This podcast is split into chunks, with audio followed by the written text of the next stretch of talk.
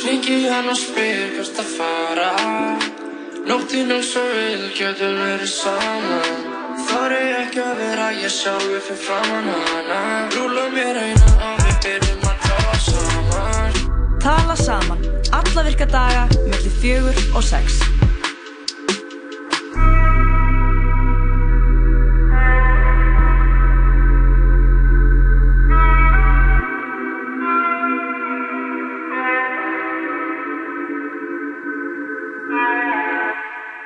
Tala saman, hefst hér með á þessum uh, fimmtudegi, mm. -hmm. mér skallast ekki Það er enginlega að vita. We'll never know Uh, 7. november og ég og Jói, ég sem er Lóa og Jói sem er Jói, uh, verðum með ykkur innan til 6 í dag og ég er bara þokkalega spennt að byrja þessum þætti. Já, með nokkra gesti Já. sem er alltaf gaman. Alltaf gaman, og svo erum við með innanhúsliðin Gælur Ölska Glæpi með Ingeborgu Yðu heldur betur. Sem við höfum, höfum fram að því verið að kalla Spooky Time þannig að ekki hafa neinar ágjur, Spooky Time er ekki horfið það er bara komið nýtt nafn. Komið nýtt nafn, a rebrand and the brand is strong. All, já, sem er bara, það, já, það er bara flott. Það er bara mjög flott. Og ef við, fyrsti gestur okkar það er ykkur, ykkur úr þínum mentaskóla, Jói? Ykkur úr þinni fortíð? Lárus Jón Björnsson, Já. hann var fórsettur NFMH því ég var MH Já. en hann er læknir. Hann er að læknir, fara- Lalli læknir. Lalli læknir og fara, var að fara með, að stað með nýtt svona átak eða svona vitundavakningu um uh, neðan beltis heilsu karla. Já, já, það er geðut sem þýðir þá bara tippið. E, Já, tippið og rassinn og og, pungurinn. Já, allt þetta helsta. Sem er beint fyrir neðan beltið. Beint fyrir neðan beltið. Og uh, já, hann þarf að koma inn til okkur eftir öskamastund og segja eitthvað frá þessu. Mm Eh, Það er, það er ekkert sérstaklega mikið tala um þetta, þetta er svona, það kemur kannski upp einu svona ári á þegar gert hún inn flott auðlýsingum, þetta er feimnismál. Þetta er femnismál. og þetta er óþægilegt og Mhm. það eru faktor í því.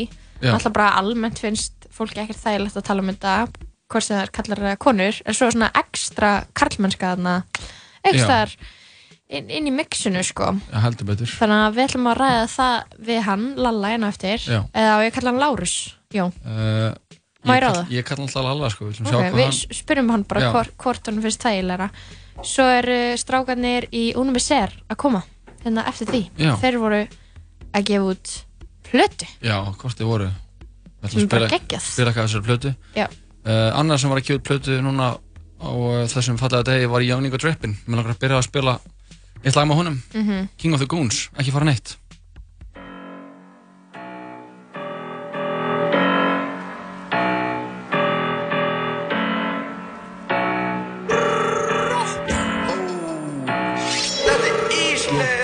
Og ég trappið út Ég tók þetta shit og ég trappið út Ég tók þetta shit og ég trappið út Trap, trap, trap, trap. Ég er coolinn samt ekki að fatta þú Þar að trappið út, þar að trappið út Hoppa inn og út eins og woo woo woo. Ger þetta shit á motherfucking smooth. Ég gáðar, þar ekki að mappið út Ég þampast út eins og oh shit. Ég fluti, þurfti að færa þessar hluti Þurfti ekki að æsa hluti Hálsum Ég er ungur savage Stórt blönd og ég trappið út Ég er 90's baby. Grimman hund út í garðinu Ey Bitch ég er trap house. Ég kefti eitt trap house? Ég breytti í stash house.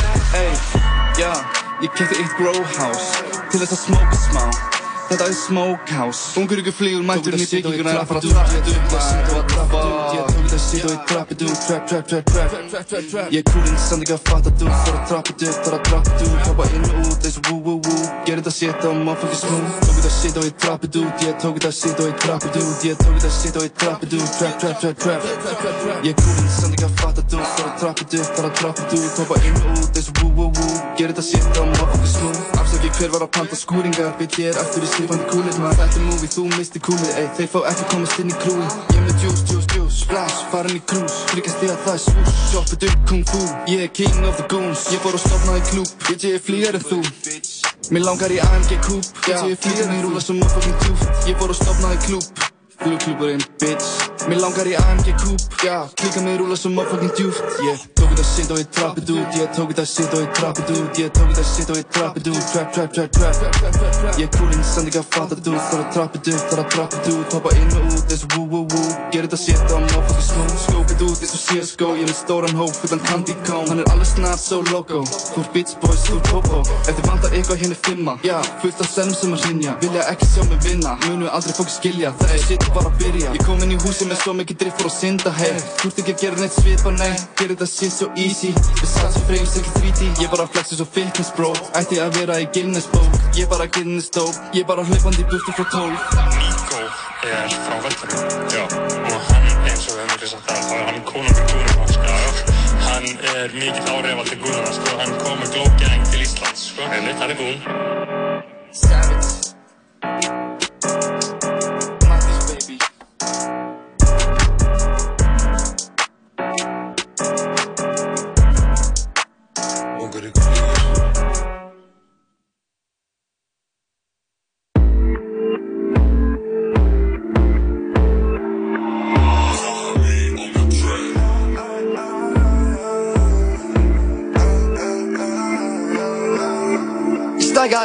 og setja í vað sem ég keir á stað. Meira ég fyrir mér, þetta er múla la la Langar að vera svo bara og sigla sem bát til að komast á haf. Í kringum þetta haf, í kringum þetta haf. Stækka ég upp og ég setja í vað sem ég keir á stað. Meira ég fyrir mér, þetta er múla la la Langar að vera svo bara og sigla sem bát til að komast á haf. Í kringum þetta haf, í kringum þetta haf. Vist tek það með mér er græn, hann fengi blár Ég seti Guð sæs á allt fyrir mér. Ég er eins og með motherfucker sem þú sást út á götu að leika mig Já það var ástum og vill ég bara eigna mig bát. Getið þú begina sem ég er að sjá? Stækja ég upp og ég setja í var sem hún keir á stað. Meira ég fyrir mér, þetta er múla la la. Langar að vera svo bara og sigla sem bát til að komast á haf. Í kringum þetta haf, í kringum þetta haf. Stækja ég upp og ég setja í var sem hún keir á stað. Meira ég fyrir mér, þetta er múla la la. Langar að vera svo bara og sigla sem bát til að komast á haf Í kringum þetta haf, í kringum þetta haf Ég gerði það alltaf, motherfuckers voru ekki að fatta. Þyrfti bara að fara að sína þeim annað Vildi alltaf bara komast í bransan Við opin er í svo þið hlustum mig vel. Gæti satt þér allt sem að ég hef séð Ó man goddamn, okkur gengur öllu svo ég vel. Stækja ég upp og ég setja í var sem hún keir á stað. Meira ég fyrir mér, þetta er múla la la Langar að vera svo bara og sigla sem bát til að komast á haf Í kringum þetta haf, í kringum þetta haf Stækja ég upp og setja í var sem hún keir á stað. Meira ég fyrir mér, þetta er múla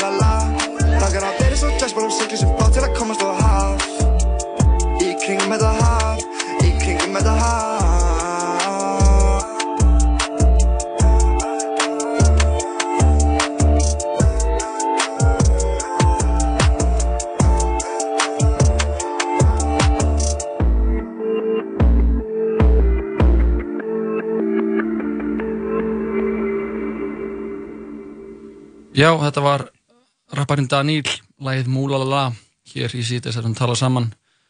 Jóhann Kristóður Lóa Björk með til hann 6 í dag og til okkur er komin góða gestur, læknirinn Lárus Jón Björnsson, doktor Lárus. Vartu velkomin, Lalli?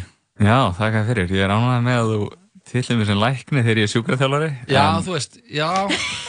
en þú veist, þetta er hérna, ég tekið svolítið, takk. Já, er þetta, ég- maður er sé, sé átt í svona einhvern bíómyndum alltaf svona, heyrðu, þú ert ekki læknir, ert tannlæknir, þú, þú ert ekki læknir, þú ert þannig að Já, já, akkurat. Dýralæknir Dýralæknir. Já, já, En sjúkraþjálfur eru læknar Eh, Nei, ég er að Já, ok. Eh, Já, já. Ég lækna fólk. Lækn, Ok. Já, þú læknar fólk, ég Já, ég já. hef verið sjúkraþjálfara og það er bara gerði meira fyrir mig heldur en því ég fór til heimilislæknisins minns Já, síðast, sko. já, akkurat. Þannig að er það eru betri heldur en læknar Þannig er staðan okkar en Já, nákvæmlega, takk fyrir mig. Já, þökkum Lárus fyrir komuna. Uh, þú veist að fara að stað með hana, uh, nýja heimasíðu Já. og svona nýtt eða svona veitundavakningu í raunum eftir kalda Mhm. uh, sem Já, nákvæmlega. Getur þú sagt okkur aðeins frá þessu? Já, algjörlega, sko, málið er að hérna, ég er sem sagt sjúkraþjálfari, Mhm. búinn að starfa í fimm ára sem sjúkraþjálfari, svo fyrir svona þreymur árum þá var ég hérna svona hálfpartinn plataður eða lokkaður í þessa svona kalla hilsu Mhm. og hérna vissi lítið um hana, málið er að stofan sem ég vinna, hún er mikið með svona kvennhilsumál, þú veist, meðgöngu hluti, tengdir hlutir, þú veist, faglegi og ýmislegt, grundagliðnun og Mhm, mhm. legsig og alls konar svona dæmi. Og hérna nema þeir sem, sem vinna á þessari stofu þeir hefur verið að taka líka kallaði með fyrir á og til. En þær bara hérna, höfðu ekki undan bara svo mikið að gera í hvernig hilsu dæminu Mhm. þannig að þær eru eitthvað næri lalli, ert þú ekki til í þetta? Og ég eitthvað, fuck. Jú, þú veist, vissi ógst að lítið um þetta og þetta var ekki beint svona eitthvað sem að maður læriði eiginlega ekkert svo mikið um þetta í skólanum og maður vissi voða lítið út í hvað maður var að fara. Okay. þannig að þetta er búið að vera svona þryggjára prósess þar sem að í byrjun var ég bara eitthvað shit, hvað er í gangi, hvað er þetta? Og svo er ég bara búin að pæla meira í þessu, skoða þetta meira lesa meira. Og svo fyrir ári að þá fekk ég bara svona hérna, þá fættist þetta eiginlega sko, eða svona byrjaði meðgangan sko. Já. þar sem ég var eitthvað bara shit, hvað maður er að fá eitthvað grilludæmi til, til sín á stofuna, þar sem maður kallar bara hafa ekki hugmynd um það sem er í gangi. Þú veist, vita bara ekki að þeir séu með grindabott eða eitthvað og hérna eru bara búin að fá svarið að hérna, þeir eru ekki með krabbamein, það er ekkert að þeir hérna, þú er bara einhvern veginn að lifa með þessu eða eitthvað svona, bara hérna, taktu bara verkefleifi eða eitthvað. Og þannig að þá bæði skeinu gegn hvað kallar vita lítið um þetta svæði og einnkynni frá þessu svæði og hvað sé í gangi og svo í rauninni líka hvað svona allavega einhver hluta heilbreyðistarsfólki veit bara fárunlega lítið um þetta, já, lítið um þetta svæði. Þannig að hérna og svo hafa verið svona hérna, og þetta er ekki bara á Íslandi, þetta er í rauninni svona eiginlega vakning bara, ég segi nú ekki um allan heim, ég veit ekki nákvæmlega hvað staðin er í bara eitthvað Asíu og Afríku eða eitthvað svona en í Bandaríkjunum og Evróp allavega þar sem maður er svona á síðum með kollegum þar sem verður að ræða þessar hluti þá er bara obvious að þessi partur kalla heilsa, það að sé hægt að nálgast vandamál kalla á þessu grindabósæði með einhverjum leiðum sem að sjúkvæðarþjálfur geta beitt að það er bara eitthvað svona tiltölega nýtt bara eitthvað sem búið að svona kvikna og vaksa núna endur fyrir ár og núna þar svolítið bara að fara bara að blasta þessu og svona kynna þetta meira, skilur Já, segja fólki frá þessu. Hvernig eru þá svona þessi, þessi vandamál sem að kallar eru að koma með ykkar til, skilur sko Koma til þetta er hérna þetta er alls konar. Ok, og þetta er ekki erfitt sko málið er að svo ég bara blasti einhverjum einkennum. Þú veist þetta geta verið verkir á grindabósvæðinu og þegar ég tala um grindabósvæðið þá er ég að tala um þú veist allt frá bara hérna nára, rassi enda þar með tippi, eistum pung uh, lífbeinið fyrir ofan lífbeinið ég og svona- kalla líka með lífbein. Já, kallar eru líka með lífbein. Ok. já, það er nefnilega máli já, við erum svona þú að- Það er ekki hróa. Vissir þú að þú værir með lífbein í? Sko. Vissir þú að vera með lífbein? Já, mhm. Er það reynskilin? Já. Ákveð Lalli Halldór Já, svakalega. og þú veist bara verkir öllu þessu svæði. Það er hérna, það er hluta einkennunum. Svo geta einkennin líka verið, og þú veist, verkinu geta verið alls konar, það geta verið svona einhvern veginn döl svona dulinverkur, kemur og fer. Þetta geta verið stingir, þetta geta verið þrýstingur, þú veist, það geta verið að menn, mennu líði eins og þeir sitji, séu bara með golfkúlu í raskatinu bara sitji bara á golfkúlu eða eitthvað. Og svo geta þetta verið hluti tengdir bara funksjón, þú veist, hérna til dæmis bara með tippið, bara virkna á tippinu, risandamál til dæmis. eh, tengt sáðuláti, bara lélegt sáðuláti allt í henni bara krafturinn miklu minni eða eitthvað, þú veist, mm drasli skýst bara miklu stittra en það gerði eða eitthvað. Geta verið verkir við að pissa það geta verið, og það getur verið mismandi það getur stundum bara verið morgunpunan stundum pissið eftir sáðulát, stundum öll piss bara eða eitthvað, það getur verið ógslag tíð þvaglát, bara 20 svona á dag á klóstið veist, það getur verið hérna verkir við að losa hægðir, þú veist, að kúka bara drullu vond og hérna, fólk bara, kalla getur verið eftir sjúkla lengi, hefur þurfa að rempa sjúkla lengi.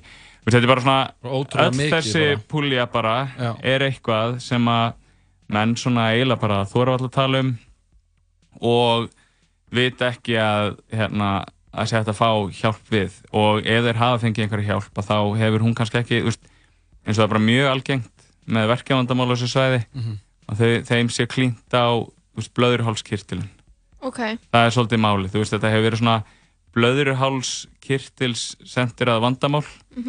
Að ef þú ert með hérna verki í lim eða í eista eða á spangasvæðinu eða eitthvað að þá sé vandamáli hérna, já það er sýkingi blöðurhálskirtli eða bólkur í blöður, blöðurhálskirtlinum eins og þetta sé eitthvað svona það eina Já, eins og það sé það eina Ok. sko.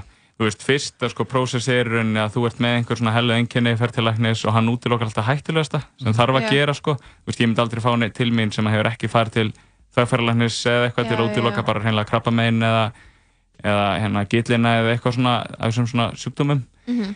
En allavega ef það finnst ekkert eitthvað alvarlegt þá er svo svolítið klínt á bara blöðurhálskirtilinn og það er bara sýkingu honum eða bólgur og menn eru bara settir á síklarlif eða bólguðendi lif bara on and on and on and on þú veist ég hef verið að Já. fá kalla til mig sem að hafa ferið á 20 síklarlifa skamta Oh my god Guð. bara út af einhverjum verkjum á þessu svæði og hérna Og það er ekki að virka. það er bara hella og talandi um hérna umræðina um hérna reyna að minka notkun á síklarlifjum Já. Einmitt. síklóna með allt þetta þannig að hérna og svo þegar þeir koma, búin að fara obviously oft til læknis, fyrst þeir eru búin að fá síklarlif svona oft, svo kemur að spyrja bara eitthvað svona, hérna, ok, tökum þetta svæða eins bara og spjöllum um það, þú veist, veistu hvað grindabóttin er, eða grindabótsvæði, grindabótsvöðu er eitthvað, og þeir eru bara eitthvað, pff, þú veist, ég hef ekki hugmynd eða eitthvað, og þá er kannski orsakinn bara allt önnur heldur um blöðruhálskirtildin Mhm. Já. til dæmis bara einhver ég veit ekki, ofstífur grindabótsvöðar eða ertinga á púdentaltaugina eða eitthvað taug sem að sér um að innverða þetta svæði, þetta er bara svona getur verið alls konar sko Mhm. Og þið komist að því saman, einhvern veginn. Já, svo komumst við að því saman bara ég og Gaurinn og veist, ok, ég er notabene ekki að segja sko hérna ég get læknað allt og sjúkarþjálfur geta læknað allt. Nei, og inn á þessari síðu þá er ég að fara að tala um bara, veist, ég er búin að nota niður svona 3000 hluti sem ég langar að tala um. Og einn pósturinn verður bara eitthvað svona eistna krabbamein, eitthvað algengast að krabbamein hjá köllum 1835 er eistna krabbamein, ert þú búin að þreifa þér eistun eða eitthvað svona, bara, Já, já. veist, það er ekki eitthvað svona kóttu til mín og ég þreifa þér eistun Nei, skilur, nei, þetta er bara hérna bara eitthvað sem bara um þessi mál Já. til að svolítið er eina svona mikið stemningunni kringum þetta Já, opna opna bara. umræðina bara, Einmitt. gera þetta aðeins minna skömmustilegt sko. Mhm. og hérna og annað líka, þeir verður líka að stoppa maður við hérna Nei, nei, nei, ég- blaður út í eitt og fer úr einu í annað stundu kemst maður eitthvað flug sko.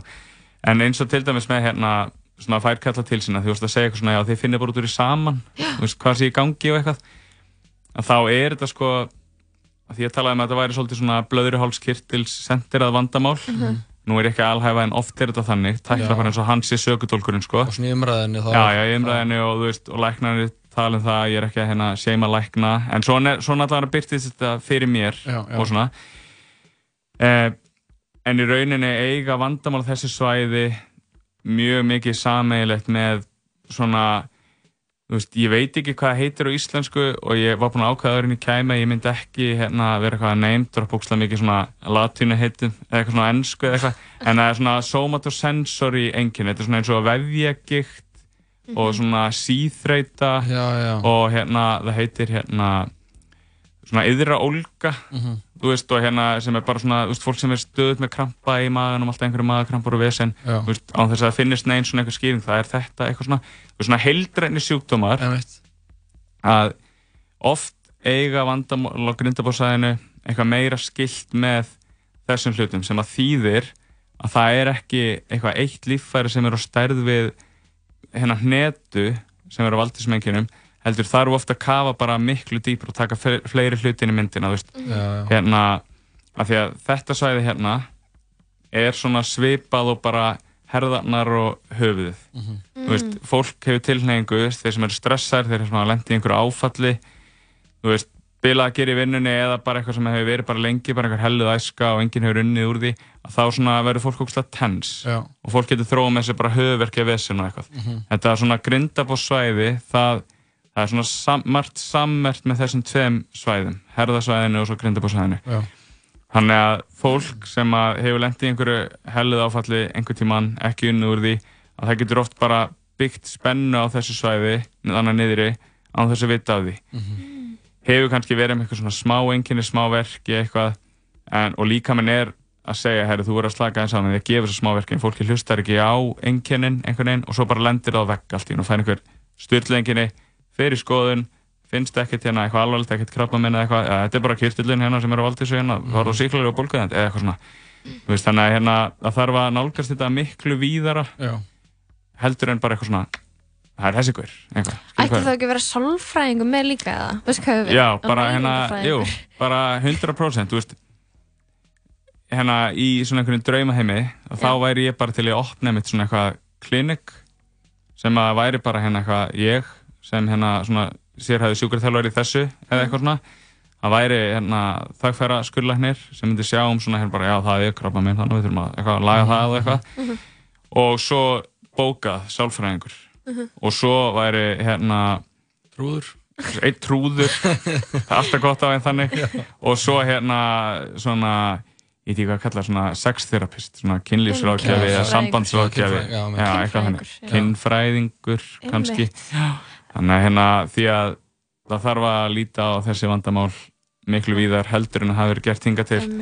Og kallar þurfa að fatta að ef þeir hafa einhver einnkjörnana hafa fengið svörin með að hérna, herri, þú veist, það finnst ekkert að eitthvað, þú eru bara að læra að liða með þessu eitthvað. Mhm. en þá er það bara ekki staðin er ekki þannig. En það er svo, það er líka rosalega depressing að fá einhvern veginn svar eitthvað að þú verður að lifa með þessu þegar þetta er, veist, þetta er já, já. kynheilsan þín, eða skilur, hvað áttu þú bara að gefast upp á kynlífi, Já, þú veist, já, já. rosalega leðilegt. Nákvæmlega, og sko, hérna, og eitt sem að gefur mönnum ókslega mikið, hvort sem það er í gegnum einhverja svona síðu eða þegar þú hittir einhvern sem að svona reynir að líta eins víðar á vandamálið, Mhm. að það er sko, þú veist, eins og ég get hugsað strax um nokkur dæmi um hverju sem hafa komið til mín, ungi menn, Mhm. skilur við, hérna svona, ég veit ekki, millið þrítugs og fertugs eða eitthvað, Mhm. að bara við það að spjallum þetta og fá einhverja skýringu á því hvað er að valda þessu að þeim einhvern veginn líður strax betur Já. bara við að vita eitthvað svona já, herðu ok, það er bara hérna þetta er í rauninni bara ég veit ekki eins og vöðabólka á grindabósæðinu og það er hægt að gera þess og þess og þess að hluti að laga það Mhm. ég veit að hérna, ef ég gerir þess og þess að hluti þá verð ég slæmur ég bara veit það en þá bara tekið því en ég veit að það mun síðan hefðana hjá ef ég síðan reyna að gera eitthvað annað á móti og svona, veist, að gefa mönnum einhver verkværi hendunar Mhm. því að hérna, svona hjálparleysi og svona hörmungarhyggja að það tengist því svo oft þegar menn hafa ekki fengið hjálp lengi að þá gæsalega bara styrlast þeir og bara andlega einkenni hérna, verða miklu Mhm. verið þá er ég að tala um svona, þú veist, hérna þunglindi, kvíði, streyta og þá ertu bara komin í einhvern vítarhing sko. Veist, þá verða bara verkinin ennþá meiri Mhm. og þá eru kvíðin ennþá meiri og verkinin ennþá meiri þú veist, Mhm. og það er þá bara einhvern veginn að já, rjúfa þennan múl með bara fræðslu, bara fræðslan Já, ein og sér getur bara, já, og samtalið getur bara gert alveg helling sko. Akkurat. Er þetta svona, þessar æfingar sem eins og við bara talar um hana, bara spenn, spenntur grindabósvöði, Já, er já. það bara eitthvað æfingar sem þú getur, þú veist, útlistað, þú veist, er það, Já, já, sko, þú veist, þetta með til dæmis hérna, enn og aftur það sem ég segi, þetta er ekkert endilega alltaf aðheng, það er ekkert öll vandamál þarna Nei, út af ofspenntum grindabósöðum, en, en hins vegar, jú, þetta er bara, þetta grindabósvæði, bara sem að maður getur, maður getur snert grindabósöðana utan, til dæmis bara með því að snerta spöngina, bara milli pungs og endaþarms, dæmi hérna undir, þú veist, Mhm. það eru grindabósöðanir Mhm. innan í, þú veist, það er ekki um endaþarm og svona, eitthvað. Uh, þessir vöðvar eru bara hluti af þú veist, stóðkerfinu Já. öllu Mm. en eins og í náminu mínu og þegar að maður er eitthvað einu spjall að vera sjúklega þetta er svona sjúkra þjálfara að þá er er ofta, ég veit ekki, það er eins og þess að einhvern veginn liti fram hjá þessu svæði. Þú veist, ef þú ert að tala um einhver vandamál verkir í mjóbaki, verkir framann í, hérna, í kviðinum, verkir í nára mjöðumum, að þá er voða sjaldan eitthvað svona, það getur verið að þetta sé hérna, að þetta séu grindabúrsöðunir það sé eitthvað issue það er í gangi, ekki rétt virkni eða eitthvað. Þannig, jú, þetta eru bara vöðvar alveg eins og bara herðavöðanir geta Já. verið of stífir og margir tengja við það, veist verkur bak við augað eða í enninu eða bara upp nakkan eða eitthvað svona Mhm. að það er bara nákvæmlega dæmið þannig niðri að ef að vandamálið er, ofspenni grindabórsöðuna þá er þetta bara eins og ofspenna í herðavöðunum Mhm. eða eitthvað Mhm. og það þarf þá bara að gera hluti til að hjálpa manneskjuna að ná kerfinu niður, ná slökun og, og svo aðferð getur verið bara ímiðskonar, Mhm. þú veist stundum þarf bara reynilega bara hands-on meðferð bara á bekk bara með sjúkurþálara Mhm. en stundum er þetta bara jóka, slökun, tegjur öndunaræfingar tími hjá sálfræðing eða eitthvað skilur Einmitt. þú veist, þannig að eitthvað til að komast að því af hverju manneskan er í svona ógeðslega miklum herpingana Mhm. þannig að það er alls konar í þessu ef fólk, hana, ef menn er í einhverjum, hana, vafa og langar að leita til þín, hvernig er, hvernig getur fólk haft samband? Sko, það er hérna ég vinn sem sagt í Kópavóðinum og stofi í Hjartavendurhúsinu Mhm. heitir Táp, sjúkurþjálfun eh, ég er svona blastaði alltaf neðist í öllum póstum. Já. og svo, þú veist, bara ekki hika við að senda á neðanbeltis hérna, Facebook eða Instagram aðgangin bara skilabóð og ég bara eitthvað reyna að vera duglegur að svara, ég getur ógstæðlegur að svara á svona, en þú veist mér langar að gera þetta vel, skilu þannig að ég bara reyna að vera eitthvað all-in og eitthvað Nákvæmlega.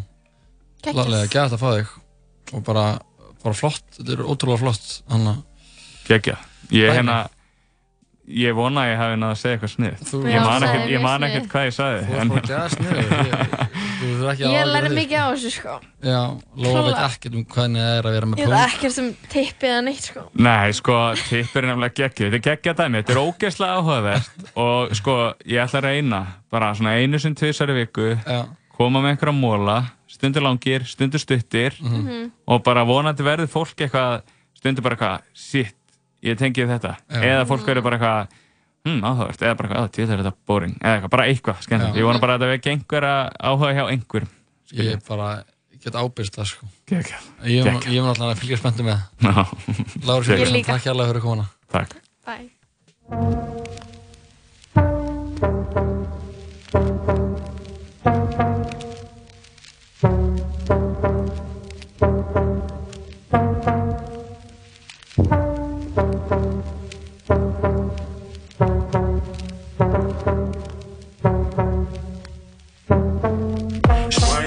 Like an ice passion.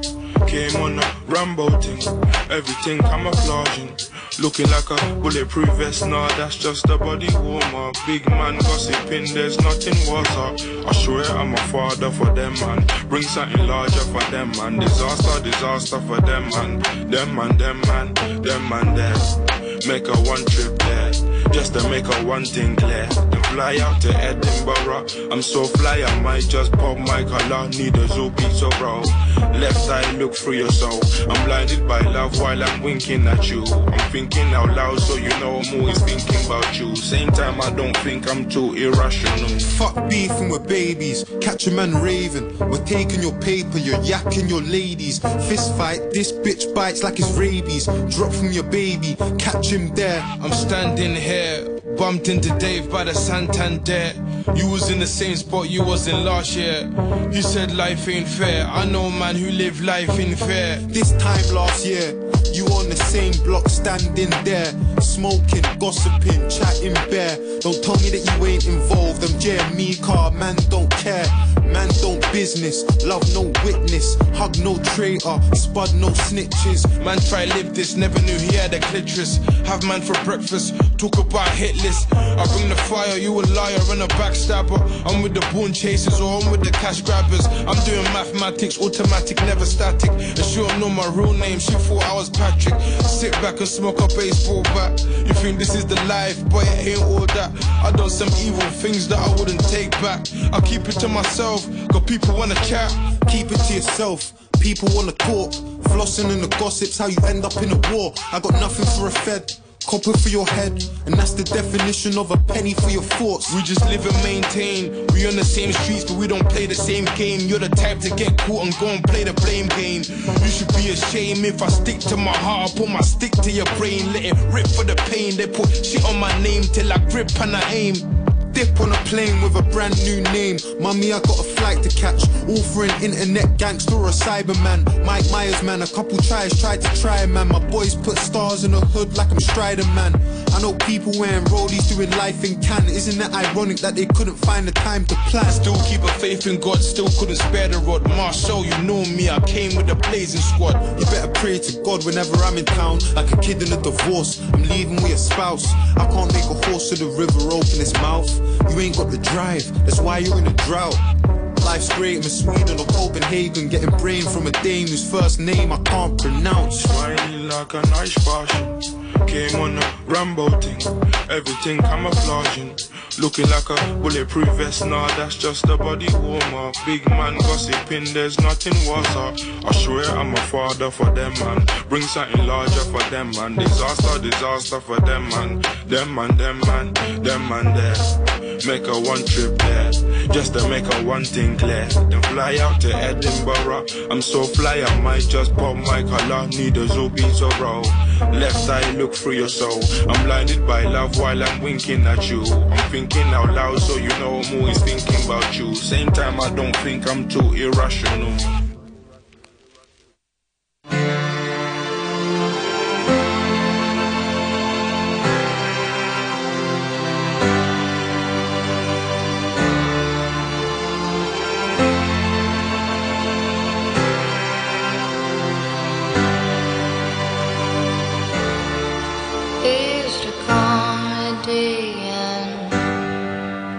For deadly nightshade Cause I was filled with poison But blessed with beauty and rage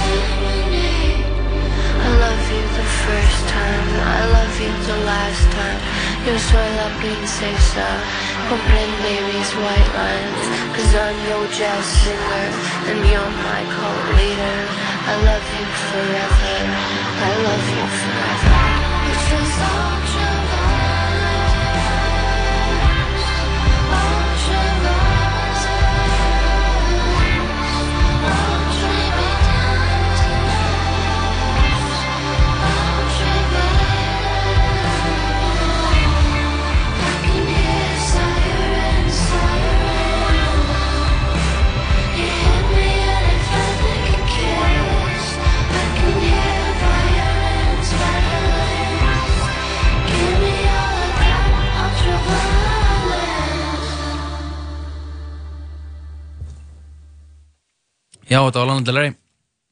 Lægið Ultraviolence.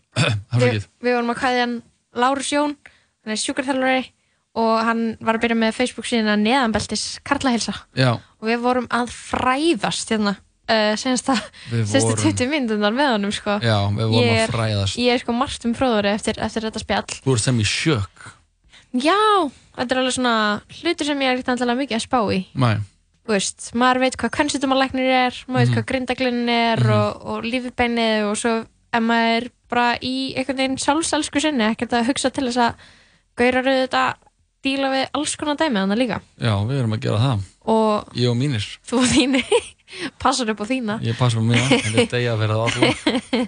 Alla kallana, jó, myndi degja fyrir alla kalla. Myndi degja fyrir alla kalla það er bara flott. Uh, við ætlum að fá fleiri kalla til okkar. Já, þetta er svona smá kalla þáttur hjá okkur í dag. Ah, ekki alveg. Uh, Nú. uh, Ingiborg er líka hérna í, í þættinum sko. Djúvöldin eða beða hann um að fara og senda inn einhvern annan gaur í staðinn. Eh, Nefnum hún kynir þessi sem Ingi Björn Ingi Björn, já, Já. beðum hann um að leika kall. Uh, nei, við erum komið með tvo Gaurar mælum elska glæpi. Það er að gælur sig glæpi. Já, Já, ég fatt það ekki Takk fyrir að taka svona við ég var bara að býða eftir að myndi koma eitthvað meira. Já, það var ekkert mikið meira. Nei, ok, það bara flott. Uh, Já, við erum með meðlumi unum með sér. Já, hvort við erum. Við erum með tvo góða hérna sem verða verða hjá okkur endur öskamastund þegar voru að gefa út nýja plötu sem heitir Sermon. Eins og messa. Já, og mannstu, í byrjun vikunar á ákveðu að kristni var nýja vefið. Já, það er eitthvað svona, það er eitthvað undirtóttanna það Það er er eitthvað, eitthvað það- undir alda í samfélaginu það er ekki að koma heim og saman hérna í þessum þætti. Sermon. Líktu það gerist oft hjá okkur, lofa mm, það vil oft vera þannig. Hefur ekki Eh, tekið eftir því að að hlutinir einhvern veginn koma saman. Koma heim og saman. Jú, eða þú veist, ég tek átt eftir því Já, að það gera slutir já, og maður heldur að þeir make ekki neitt sens og svo allt í einu þá meikaði sens Já, þá allt í henni bara þá bara, fatt, það bara svona koma öll, þegar öll kurl eru komið til grafar Já. Þá er maður eitthvað, já, Já, bara einmitt. Já, þetta, Ok. þetta meika shit, já. Eða þú veist, eins og Justin Bieber þú veist, er alltaf eitthvað svona allt gerast að ástæðu, Já, já, pælingin. Já. Það er já, ég lendi þessu svo ég geti lært þetta til að undirbúa myndi þetta. Já, einmitt. Ég er svo, ég er svo mikið á því á? Já, Já. Þetta bara everything happens, everything happens for a reason Já, purpose. Ég, það, það, Hann var að segja, hann Bieber hann, hann er næstu tilbúið með heila plötu Mhm. og þannig að- við við erum bara mjög spennt fyrir því hérna í þettinum Jeps. Er, er ekki samanlega? uh, Bieber-plötunni Já. Jú, hann, hann var reyndar ykkur að setja inn ógeðslega að finna myndir af af húsin hans Bieber Já. sem er með bara ykkur gauradóti ég verði alveg að sína þetta bara eitthvað svona, Gauradóti? já, svona herbyggi og úlingstrák Já. og eitthvað svona, að ég finn til með konun hans Hailey að búa hana með honum í ykkur sem í svona hann alltaf varði bara ógæslega fræður og ríkur bara sem úlingur Já, eða sem Skilurðu? bara barn barn, já, Já. og þá er hann bara svolítið svona eitthvað þú veist, það eru svo fáir sem fá að innrétta heimili hjá sér 16 ára skilur Já. og það er ekkert gott skilur að fá að hefði- gera það Hvernig hefði heimil hitt verið Nei. Hefur fengið að innrætta það bara svona alveg bara allt bara fengið að ráða öllum krók og kímum þegar þú var 16 ára. Það var bara svona hefði bara verið eitthvað svona Tumblr stelpu herbyggi, svona indie, indie stelpu herbyggi skilur Já, en þannig að það er samt smá svona jokes on me því að ég var að flytja í gær og ég setti upp rúmið mitt uh, sem ég valdi mér einmitt þegar ég var 16 ára. Já. og þetta er einu húsgagni sem ég á ennþá síðan ég var 16 ára út af því að ég er búin að flytja svo oft og þurfa að losa mjög svo mikið og svo flytja erlendis. Þetta er eina sem bara var inn í bílskur hjá Ava og ég á ennþá. eina átt. eina sem ég á eftir er þetta rúm. Þetta er eina húsgagni mitt, bókstaflega. Og þetta er svo mikið krúsítúlu rúm að ég er alveg, ég er bara það er smá bölvun á mér að ég þurfa að sofa í þessu. Einhver sem 16 ára ég valdi Svona er 16 ára þetta. stelpu smekk Já. og ég er eitthvað svona, er ekki rétti að vera 30 í þessu rúmi, skilur við það eitthvað svona við það prinsessu rúm þú veist, svo setja ég á eitthvað, eitthvað gullt rúmteppi og það er bara svona eins og þú veist, eins og ég sé virgin alveg í kristinfræði, skilur við ég bara það er ekkert fullarislegt á hana, sko. Herri, ef að hlusta smá meiri músík já, gerðu það. þegar við fáum til okkar þá Gunnar Inga og Fannum á e, úr uh, Unumisser eftir næsta lag og þeir ætla að segja eitthvað frá nýju plötunni sinni Sermon, þeir ætla að útgáð tónleika. Það er bara allt að uh, fokkin frétta. fokkin frétta, ég ætla ekki að blóta en þú bara gerði það, þannig að ég Já. bara tók undir það. Uh, já, mér langar að spila uh, aðeins meira en af, af uh, nýju plötu Young Nico Drippin. Mhm. Ungur rík og flýgur þetta er mixtape. Hann er með útgáfahóf í kvöld, hann á ammali hvað er alltaf hann að halda útgáða hófið? á prikinu Uh, grunna ekki hvend þetta er gefið út á Sticky Records. Þannig að við sendum shoutout á uh, Kollega okkar. Young Nico Drippin. Hann er ungur, ríkur og flýgur og þetta er einmitt lag sem heitir það. Hvað er að vera flýgur?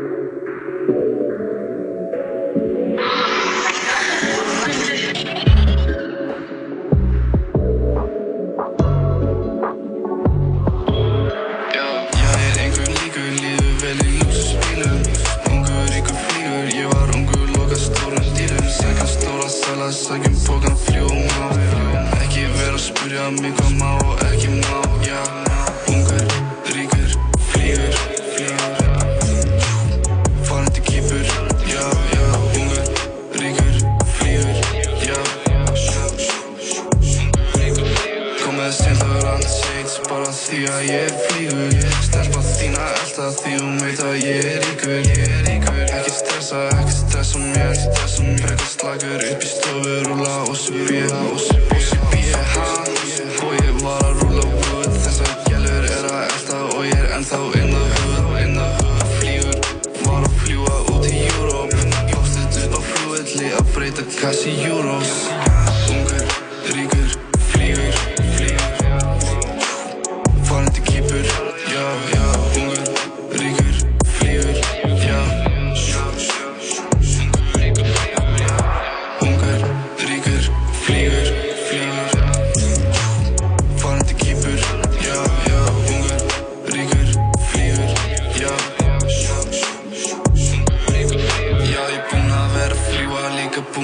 er að vesla Ég fór út til Evrópu, ég kassa eins að tjekka. Kaupi fyrir gam og til að flexa Við blessaðir í stressaðir í vissinni Ég segi ekki, nei ég segi ekki. Feika shit, spurja hvað er meiningin. Það kalla mig ungu ríku flíkur Ríku bústutur í stofu, telja millur, þjóna mínus.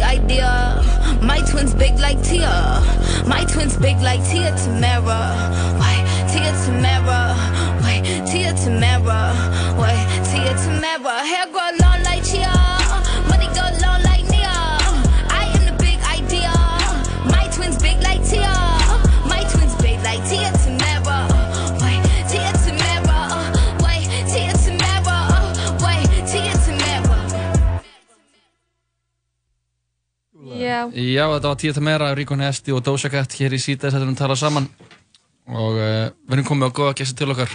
Þorstein Gunnar Freyríksson, bassarleikari og Fannar Mór Ótsson, uh, eh, gítarleikari í Unimessir, verið velkomnistakar Takk kærlega fyrir að hafa okkur Hei hei. Þið voru að geta plötu, til hann ekki með það. Takk kærlega fyrir það. Og voru erið þessi gær? Já. Og voru ég... með útgáð tónleika bræðum, það er bara allt að gerast. Það er allt að gerast. Allt. Bara, þetta er ótrúlegt sko. Gæðvett Hvernig var giggið í gær? Þetta var svakalegt, bara mm -hmm. ótrúlegt að fá þannig heiður að spila bara beint eftir Oral Peck sem bara indislegur fucking maður og mm -hmm. æðislegt mm -hmm. crew sem að tengist í þetta bara búið að vera algjörð draumur sko. Ógæslega gaman. Og platan kom út er það ekki bara gær? Nei, hún kom fyrsta á fyrstu daginn hún kom á fyrsta nóf mhm. hún heitir Sörmann. Svo sannlega getur þið sagt okkur aðeins frá þessar blötu hvernig þið byrjuð að vinna þenni og svona hvernig sko það var alveg langt ferli. Við byrjuðum að taka upp demóinni bara í hvað, ágúst í fyrra, bara heimi Já. á Benna. Ok. Og tókum hana upp í februar og mars með þarna Skyvan Hoff, Marco Beati og Marco Collins þarna komið hingað og tókum hana upp með okkur og síðan bara við erum loks að koma út núna. Mhm. Já, Þetta er búið að vera mjög svona löng bið fyrir okkur. Já. tilbúin í mars. Oh my god, Við erum bara búin að sitja á henni síðan. Aldrei situr svona lengi á okkur efni. Nei, þetta er svo erfitt líka. Já, ég trúi því. maður er með eitthvað í höndur og maður langar að sína öllum og það er bara eitthvað, nei, þú vart að býða í halvt ár. Akkur þú stöðið býðið svona lengi? Það er ákveðið bara prósess í gegnum plötufyrirtæki að þau vilja, að þau ætla að setja það niður þannig að ef þau myndir setja þetta út yfir sumari þá myndi hún einhvern veginn svona falla svolítið undir það sem mikið að stórum Já. sumar releases. Þetta er bara svona, label er þannig, maður fær bara svona sinn tíma bara, hér er tíma sem þið fáið og við munum bara pússa plötunni og gefa ykkur aðtegli, þú veist, ég get ekki gefa öllum aðtegli á sama tí- tíma. Þannig Þetta er bara svona... bara take the time einmitt. Já, setja bara upp plan og... Hvar er leipalið ykkar? Þetta er sem sagt plötufyrirtæki sem heitir Nuclear Blast Records sem er eitt af stærst þungarokslabelum í heiminum. Ú. Þau eru með office í Kaliforníu og líka í Þýskalandi. Það er svona evróska og ameríska officeið. Já. Ok, geggjað. Við erum að vinna mest núna með ameríska labelinu Mhm. en annars er náttúrulega bara svona worldwide dæmi Mhm. sem er rosalega næs. Og hvernig er þetta? Munið þið, þú veist, eru þið að fara út til bandarækjana eitthvað að spila? Er eitthvað þannig í planinu? Það er ekkert plan, ekkert planað eins og er. Mhm. Við erum bara upp á komið núna erum við konum með Europatúr sem verið núna í janúar. Ok, nice. Sem er svona fyrsta svona debut túrin fyrir plötuna, svona release túr. Mhm. Svo kemur meira eftir það sem við erum ekki búin að annánsa, sem við erum ekki ekki að. Veist, það er mörg játn í eldunum en ekki neitt svona sem getum talað um núna. Nei, klálega. Ég skil. Það er basically. Nei, það er mjög gaman. Það er bara rosalega mikið að stórum hlutum að gerast núna Já. og aftur bara sitja og býða. sami, sami leikurinn aftur og aftur. En þið hann voru náttúrulega, er búin að vera að túra alltaf mikið, þið voru að túra í árið ekki? Jú, tókum sumarið Já, bara. vorum eitthvað 40 daga úti. Við vorum 40 daga úti. Já. Það er ákveðið prósess. Hvernig var það? Að geggjað. Öll þessi festival og allir þessi listamenn sem maður er að hitta á þessi venue og bara bönn sem maður er að spila með, þetta er bara, ég gæti ekki séð fyrir sjálfur mér bara skemmtilegri vinnu. Þetta er bara að spila tónlistina sem maður elskar með Mhm. bestu vinniðinum, að ferast út um allan heiminn og kynast ógæslega mikið skemmtilegu fólki og svo rekast á ætaliðin og bara, ei, blessa þér. Sæli menn. Voru það hitt upp fyrir eitthvað band á þessum túr? Við vorum að taka svolítið mikið svona Það var bland í póka Þetta var bland í eiginlega. póka, þetta er eiginlega Ok. og að við vorum að vinna með fyrrum booking agencyinu, það er svona að púsla þessu svolítið svona út um allt, við vorum að detta Ja. á supporttúr hjá þessum böndum. sko, við byrjuðum náttúrulega í Rúslandi. Já, byrjuðum í. Enemy. Það var alveg fyndið. Fara til Moskvu og St. Petersburg. Það var geggjað. Þetta er svo mikið bara Þetta er eitthvað erlend band, sama hvernig, þú veist, hvað status þú ert á, þau horfa á þetta sem bara svona, holy shit, þú veist, erlend band og það var bara mesta VIP-treatment í heimi og geggjuð hóteli og bara Ok. pick up hér, þar. Já, ég mynd sko Manneskja sem er með það, var sko þegar það opnaði húsið bara hljóp fólk inn Já. bara allir að mæta bara, þetta var fremst Oh og var svona, við, veist, við vorum að hita upp við mætum, það er bara yeah Það er bara sko- allir bara ógislega peppa, það er bara þungarokk Já. elskar þungarokk og Leifur hljómarinn okkar, hann fyrir upp á svið til að kveikja á patinu með eitthvað, þú veist, til að fá svona intro, spooky intro í gang Já. Þau sjá bara, þú veist, fólk sér hreyfing á sviðinu þú veist, Leifur komin upp á svið og það bara skruði og svo bara hann hafi, ó, nei, ok og fyrir á sviðinu Það er beautiful. Og hvern- hvernig er að hann að mossa þessi rússar eða? Þú veit sem að þeir kunna það Þetta er, þetta er meira svona, þú veist þið- Ensku kunnundan er rosalega mikið svona mismatch stundum, þú veist, Já, það er ekkert endilega þannig. Ef að þú hendir inn einhverju einu orði eftir lag eitthvað spasiba, sem bara takk og allir bara aaaah, umturnast Það er geggjað. Voru hér fleiri svona áfangastæðir sem voru skemmtilegir eða? Ég held að það er eiginlega bara, við tókum, við tókum headlining gig í Rotterdam sem stóð svolítið mikið upp úr, mm, það venue var á bát. Það var bara, á, bara eitthvað svona, þú veist, venue sem er kaffehús og bar Mhm. og svo ferð, þú veist, neðst niðri þá búið að setja upp bara svona venue þar Mhm. og við seldum það sjó út bara fyrsta headlining aktið okkar á þessum bara ever, þú veist, úti og það var ekki eins og á túrminninu, þetta var bara svona eitt oft eitt árum Já. myndum fara á eitthvað annað Nei, maður. það var styrla Þið eru bara að vera heimsfræðir. vonandi það er bara þannig. Að það er planið, eða svona heimsfræð 100% öruglega Ok. Já, 100% Ok, ok. ég meina, já, já Þetta er búið En þið er náttúrulega eru líka að sinna eitthvað digga aðdóndahópina heima og eru að halda tónleika. Svo sannlega Heldur betur Það eru útgáðatónleika núna í vænd Mhm. Það er 14. desember 14. desember Staðfest Íðin á Íðin á. Mhm. Ég hlaka til. Já, við líka En uh, mér langar að spyrja alltaf lag á plötunni. Endilega Er það ekki? Við erum ekkert mikið í metalmenna í útdarfinu sko, en það verður nú að gera undarþekni á því eins og öllu öðru. Já. Hefði ykkur uppáhalds lag á plötunni eða?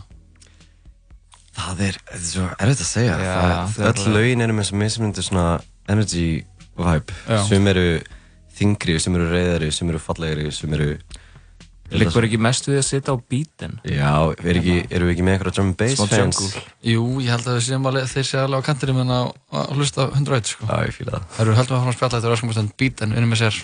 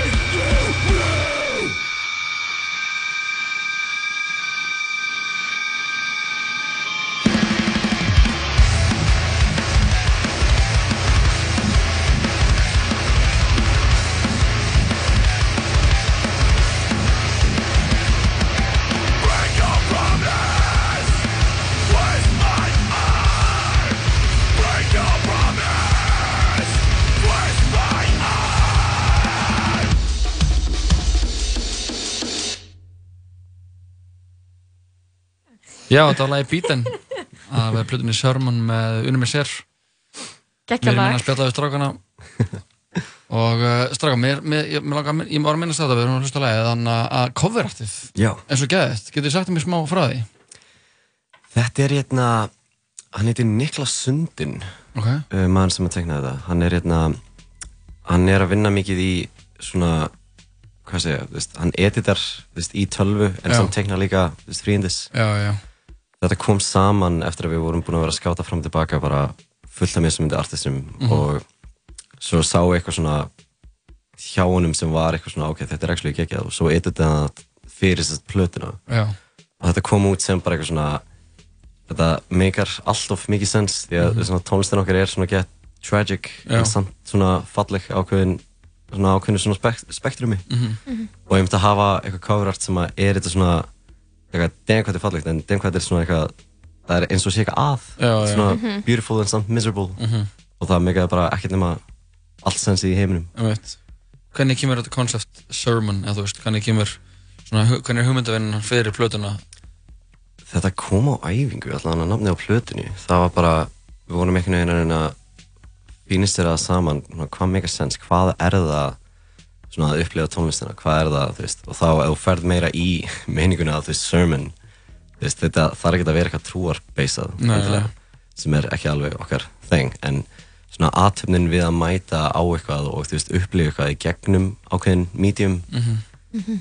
okkur fannst það vera eða svona passa við þú veist að Mhm. fara á tónleikar ekki bara endilega tónleikar þú veist það er þú veist Það er smá ritual. já, svona Já. ákveðið ritual nákvæmlega Já. þannig bara svona sjá þú veist live-aktið, sjá tónlistina sjá hvernig atmosfærið er frá fólkinu og svona Mhm. energy sem að myndast Mhm. á tónleikum Já.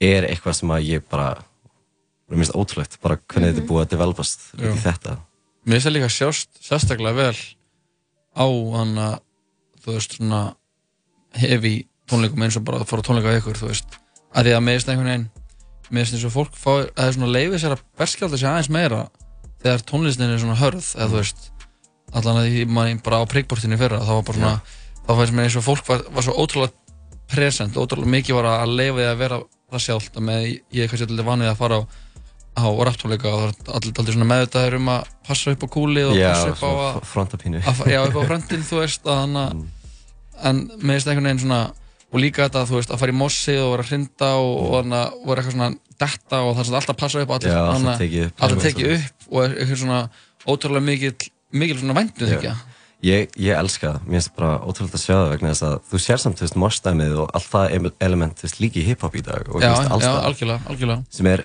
bara mesta cool shit í heimi, mér finnst Mhm. það geggjað Mhm. bara fólk sér og upplifir tónlist Mhm. sem mm, ekkert endilega bara svona ég hlusta bara á þetta genre og þú veist, hérna þetta genre Þú veist, hip-hop og þungarokk er svolítið mikið á mismundi skölum Mhm. en svona, ef þú touchar á það á ákveðinu element þá sérðu þetta er svona sama energy tónlist Já, já. ef að tónlistin make sense Já. það, þannig að mosspittur í hip-hopi og mosspittur í þungarokki er eiginlega bara sama dæmið Mhm. en eins og fyrir tónlistina í okkur ég held að þú veist, við erum að setja svona þú veist, að vera cool og ekki cool þú veist, þetta er eitthvað element sem er bara ekki til hjá okkur Nei. þetta er bara að leifa sjálfur að bara finna, þetta er svolítið tilfinninga mikið Mhm, dæmi mhm. eins og við erum að setja það element út í eitthvað svona ó já, þetta er þú veist, þung tónlist, þetta er eitthvað tough guy shit en Já. þú veist, það er það ekki, þetta er meira þú veist, allir koma á tónleikana undir sama elementi, þú veist, það eru allir einna bara til að upplifa eitthvað Mhm. og sama hvernig fólk tekur því að taka allir allir mismöndi náttúrulega, 100%, það er engin eins Mhm. en að vera pínu opinn þú veist, fyrir einmitt svona pínu emotional dæmi og þú veist, og allir séu besti vinnir og þú veist, einhver dettur í pittinum og hjálpa honum upp og Mhm. þú veist, það er engin munur á okkur þannig að okkur líður ekki eins og sé einhver munur á okkur að vera upp á sviði að vera út í krátinu. Nei, Þú veist, það eru allir þarna til að upplifa sama sermon. Stemningu, já, já, já, nákvæmlega. Gæðvett, þannig að er þið byrjað að selja með á, á tónleikana? Þetta er komið á Tix.is Komið á Tix? Já. Og uh, plötunar þetta lægur svo Spotify og ætlaði að gefa hún út á hún er, hún er á Spotify, Apple Music þetta er á Bandcamp líka það er hægt að panta af Nuclear Plast uh, websíðunni Já. sem er bara og searchast það upp bara á Nuclear Plast eða bara á Google hvað sem er, það er hægt að kaupa CD vínil, það eru tvö mismundi vínilcover, það er þú Oh, ert með damn. gull splatter vínil og svo ertu með ivory splatter á svona svörtum bakgrunn Svo ég held að þetta sé ég held að gull og svarti gæðin var eitthvað limited Mhm. En síðan sem var þú veist bara US dæmi en síðan var það worldwide og svo er Ivory gæðin bara limited í 500 kopí minni mig. En það, Ok. er, mega rare dæmi. Ég held að það sé bara, bara til í er basically. Í glansi Já, í glansi og þannig að svona útleiftur. Nákvæmlega. En Steini og Fannar, gæði þetta að fá okkur? Takk svo mikið fyrir að hafa Takk. Og bara hana, til hamingi með þetta. Ég bara get ekki beð eftir útgáðsálíkunum sko. Þetta verður svakalegt Þetta var svakalegt, ef ekki bara enda, mér langar að enda á hana bara titillægi plötunar Takk fyrir það, við endilega. Sermon, takk fyrir okkur stakar Takk sem þess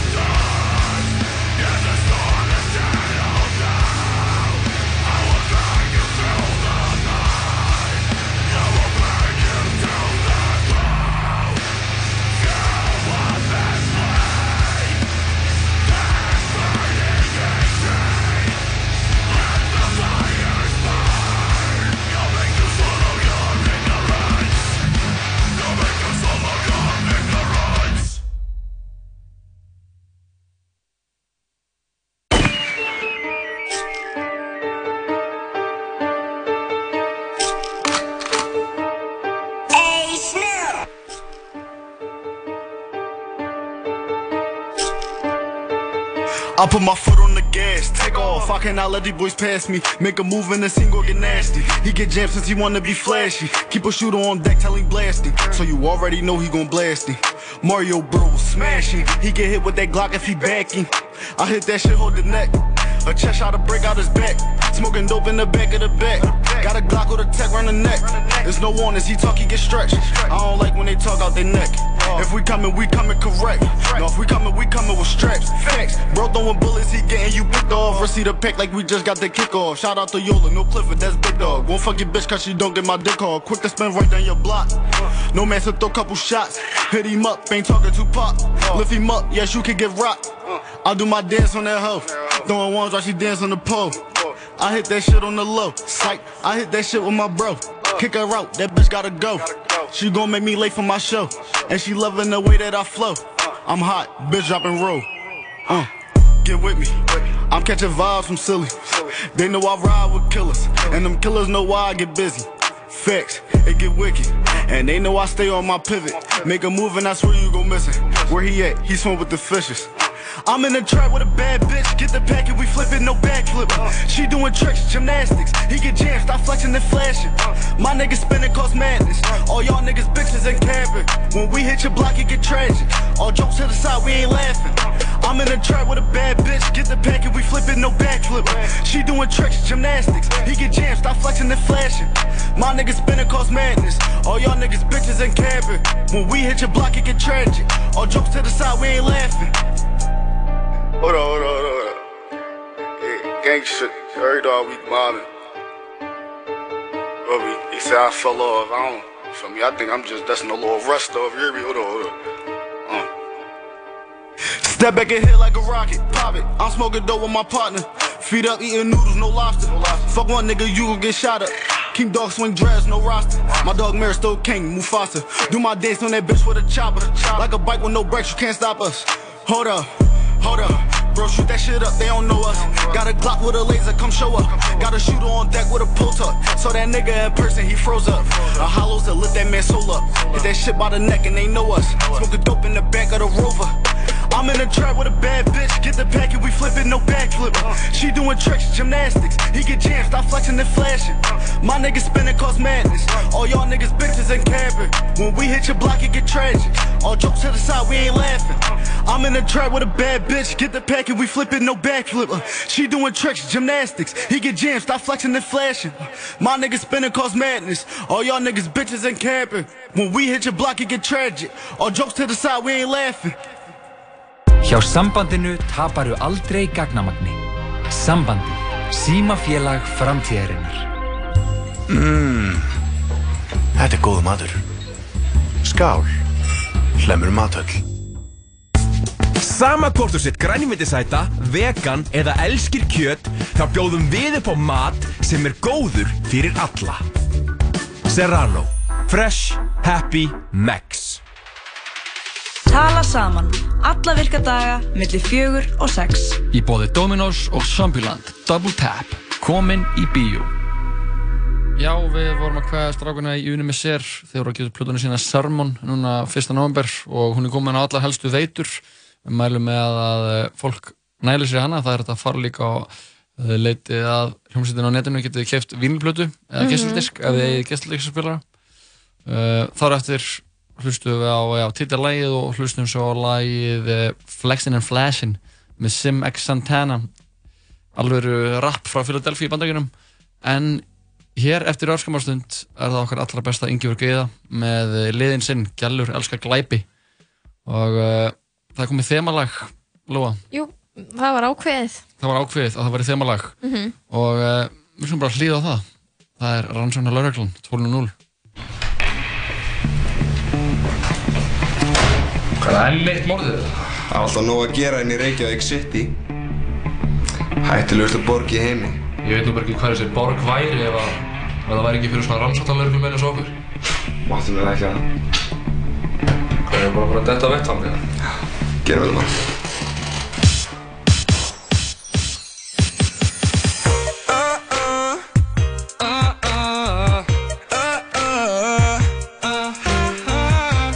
Þetta er tilengað öllum morðingjunum að núti. Passið ykkur, við erum að koma á eftir ykkur. Ef að þú ert morðingi þá skaltu hafa varan á Því að nú er hann sóknarlegur reglan komin á stjá. Ef að þú ert að gera eitthvað að þið sem að ekki má Þá komum við og skellum þér bak við lás og slá. Við skoðum grumsanlegt gust Týnum saman alls konar rust Setjum það í lítinn póka Sem að rennir til að loka Við eigum alls konar dót Vasaljós Jæp Sólgliru Jæp Það vita allir að við erum. Rannsóknar lauruglan Við finnum morðingjan Og við hann semum hann Er rannsóknar lauruglan Rannsóknar lauruglan Er aldrei langt undan. Til að leysa vandan Er rannsóknar lauruglumál Lauruglumál Lauruglumál Lauruglum Þetta er rannsóknar Lauruglumál Lauruglumál Lauruglumál Já, rannsóknar lögreglu mál, gæðlega öskar glæpi. Ingi Björg Eða, verður velkominn. Takk kærlega fyrir. Hvað er næstu dag? Bara frekar þreytt sko, búin Já. að vera leng vika. Það mennur bara ennþá að jafna sig eftir sólarhingsútsendinguna hérna að sé ég sko. Mhm. Já, við erum Já. þá bara eina hálfsóðandi Við munum vera marga mánu að jafna okkur. Jafnvel ár. Já, má vera. Rétt búin að jafna ykkur svo sólarhingsútsending aftur. Þetta nógu 2020. Nei, en já, bændur eru ferskir sko. Já, bændur eru Eh, ferskir. Búnir að vera svolítið mikið að horfa á heimildamindir um máldagsins og Mhm. lesa mig til og Mhm. uh, undirbúa þáttinn sem að tók mig ekstra langan tíma því þetta er svona umfangsmesta mál sem ég hef tekið fyrir Mhm. Ok. hinga til allavega, hver veit hvað ég tek fyrir í framtíðinni en þetta er þú veist uh, málið eða sértrúarsöfnuðurinn öllu heldur Heaven's Gate Mm. og margir hafa kannski heyrt um það og þetta er ógæðslega flókið mál og margþætt og þetta er þú veist í rauninni eða bara í grunninn trúabröð Mhm. og það eru tveir einstaklingar sem eru að leiða hann söfnuð Mhm. þannig að það er til ógrinni af upplýsingum á netinu um þetta Mhm. um hann söfnuð, um, um Marshall Applewhite og Bonnie Lou en ég reyndi að sanka mér upplýsingum sem frá sem, frá sem flestum sjónarhornum og er búin að tína í hér og þar og einfalda málið töluvert til að koma sér fyrir hérna Ok. á eina við klukktíma Ok, Alright, ef við ekki bara henda okkur í þetta ég er bara hefðum leika. Okkur er ekkert að landbúnaði Nei, nei, nei, ok, allavega Þessi var góður, sko. Áðan bændur. Takk. Já, Ég er- ég er svolítið- fannst þetta ekki fyndið, mér finnst það mjög fyndið, sko. Takk, ég og andjóks, haugur Já. í horni mínu Já. Allavega Mér finnst þetta alveg fyndið. Ég bara hlæði ekkert alltaf þegar mér finnst hluti fyndið. Nei, nei, ok, við skulum bara byrja. Það er svona fínt að vera upp í standari og bara ég hlæði ekki þegar mér finnst litinni finnir ég... Já, ok, sorry, ekkert Herri, Marshall Applewhite sem ég nefndi á hann var fættur árið 1931 og ég ætla ekki að fjalla mikið um æskuna hans heldur meira svona efri árin Ok. eða þegar hann kom inn á aldur. Um, hann var ungu maður sem hefði verið mjög trúar gegnum tíðina og pappi hans var svona öldungakirkjuprestur. Og öldungakirkjan að því sem að ég kemst best trúur á svona allræðisvald guðs og mikilvægi þess að lesa biblíuna og rytningana og svo leiðis Ok. þannig að það skiptir ekkit höfumáli Uh, hann kláraði bachelorsgráði í heimsbyggi, var í hernum s- og sá um svona samskipti innan hersins, hann var aldrei hermaður per se Nei. en, na, og, og kláraði svo masterskráði tónlist og söng og var svona mjög góður söngvari og var þekktur fyrir að vera með bara ótrúlega fallega söngrödd Mhm. uh, hann gifti sig og átti tvö börn og fekk vinnu við kathólsk, kathólskan tónlistarástokóla í, ban, í bandaríkanum Hann var síðan rekinn þaðan því það lág grunur á að hann væri í ástarsambandi með drengi í skólanum, með drengiskólanum. Og Þannig hann að satt bara nýjur. Uh, þessi, þessi drengur var greinilega yfir lög, lögaldri, en þú Mhm. veist, þetta var ástarsamband á milli tökja karlmanna Já. í kathólskum háskóla út í á- árið Já, þetta var háskóli, 1970 já. cirka, Mhm. fattur þannig að þetta var ekkit vel liðið og hann var látin laus frá þessu starfi en vinnur hann sagði samt veist, að hann hefði verið í fjölmörgum ástarsambundum með körlum í gegnum tíðina og þú veist, hann var tvíkinheiður eða sagt að hann sé tvíkinheiður þó svo að það virðist að hann laðist greinlega aðeins meira að körlmönnum Mhm. og hann var svolítið þvingar til að koma út úr skápnum og þetta leiddi til mikillar vanlíðan af hans hálfu Mhm. og uh, þarna skilja, skilur hann við konuna sína og hann bara svona útiloka svolítið frá fjölskyldinni og er bara einn á báti hann sér konuna sín ekkert, börnin sín ekkert hann er bara einn Mhm. Uh, hann opnaði svona samlokubúlu eins og þú veist hlöllabátar eða þannig Já, Joe and the Juice. eða Joe and the Juice, Caliente allan og en hún fór eiginlega á hausinum leið og opnaði Þú veist, Ok. það bara gekk ekkert skilur um, og það þú veist allt sem að hann var að gera í lífinu Mhm. það er einhvern veginn svona bara fjall allt niður á sama tíma þannig að þegar hann hittir Bonnie Lou Nettles þá einhvern veginn klikkar eitthvað Uh, hún var gift og átti fjögur börn og starfaði sem hjúgrunafræðingur. Hún hafði mikinn áhuga á trúabröðum almennt en þegar svo áhugi ferðist mér í áttina að svona jaðartrúabröðum þar að meðal gu guðspeki, vitið hvað guðspeki er? Guðspeki, það er ekki bara speki um Guð. Uh, já, ekki svo einfalt, það er eitthvað svona trúar og heimsbyggi kenning byggð á dulrænu innsægi, uh, kenning upprunnin í bandreikunum 1875 náskild kenningum Búta og Brahmatrúar, Bramtrúar. Þetta er, þetta er þá trúabræð. Já, já, já, engum varandi þróunarkenningu byggð á algjörðistrú og varandi eldurhólgun. Þetta er bara eitthvað svona, þetta er, þetta skilgreiningin á snöru. Ég hef aldrei heyrst um þetta. Ekki ég heldur nefnilega. Og hún hafði mikið áhuga á svona, já, trúabröðum og stjörnusbyggi. Og maðurinn hennar var bara eitthvað svona, heyrðu, yeah, I didn't sign up for this. Nei. Og þeir skildu. Það var það. Já, og hún, bjö, og hún hitti þarna, þennan mann, uh, Marshall Applewhite, og hún var búin að vera að búa til svona stjörnukort.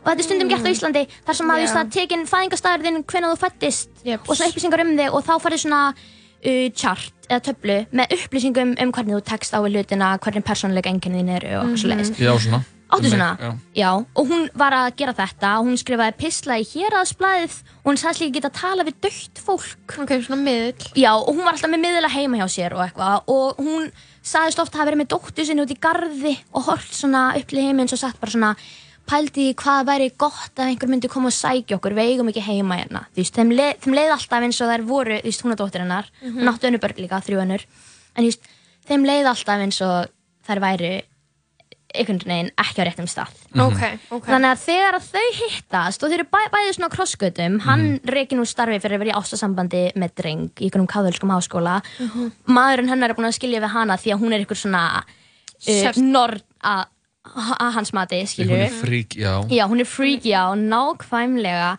þá einhvern veginn svona klikkar eitthvað hjá þeim og hann Mhm. byrður hann um að gera svona stjörnukort Mhm. fyrir hana Ok, og þegar hún hot. gerir það, já þegar hún gerir það þá er hann bara eitthvað sér hún að þetta sé þú veist einhver stórmerkilegur maður og hún kemst að því að þau hafið þekkst í fyrra lífi og honum hef verið ætlað eitthvað stórmerkilegt í þessu lífi og allt sem hann hefði gengið í gegnum væri þess virði því honum var ætlað að takast á við einhvers konar verkefni og allt það sem hann hefði lært á lífsleginni væri til að undirbúa hann undir þetta verkefni Fattiði? Mm -hmm.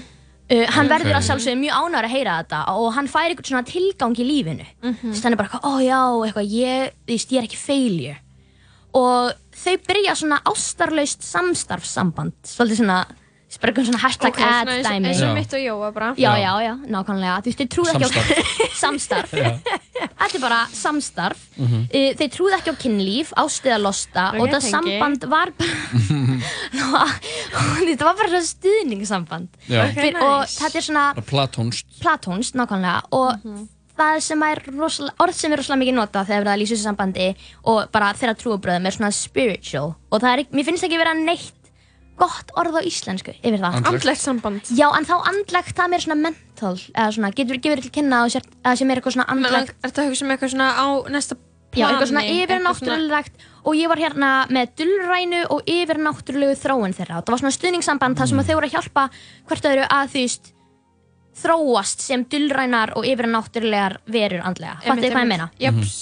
Þau opna bókabút sem að seldi bækur sem að stutti við svona þeirra hugmyndir, hún lokaði mjög fljótt og þau opnuðu síðan svona heilsuhæli sem var svona uh, uh, svona hugleiðisla og eitthvað svona læra self-love og eitthvað svona Ok, það er náttúrulega í tísku núna. Já, já, og Hvaða þetta er, þetta? þetta er í kringum 1970 þannig að þarna er, Já, þetta er þetta svona wave er að byrja þetta þá. wave er svona hippie waveið er svona tiltrúlega nýbúið á Já. þessum tímpundi eða Mhm. svona að dvína þannig að þetta er allt svona að taka við að hvert öðru Mhm. og það er einmitt svona pínu eitthvað sem ég kem kannski ekki alveg nóg vel inn á gott að hafa það í huga á, á þessum tímabili á þessu tímabili að þá var rosalega mikill markaður og fólk var voðalega svona opið fyrir science fiction bókum og svona Já, þú veist, ok, alls konar ok. svona hugmyndum um yfirnáttúrulega hluti og svona kristallar og eitthvað svona, já, þú veist. Ilmkerti og... Já, ilmkerti og að læknast með einhvern svona nálastungum og eitthvað svona. Svona það sem stónurar í dag eru Já, nákvæmlega, það sem, að, Já, það, í, það sem að við lítum á sem jaðramenningu í dag kannski og eitthvað sem að okkur finnst bara að vera algjört kæftæði var ekki jafn mikið kæftæði fyrir hvað, 40 árum?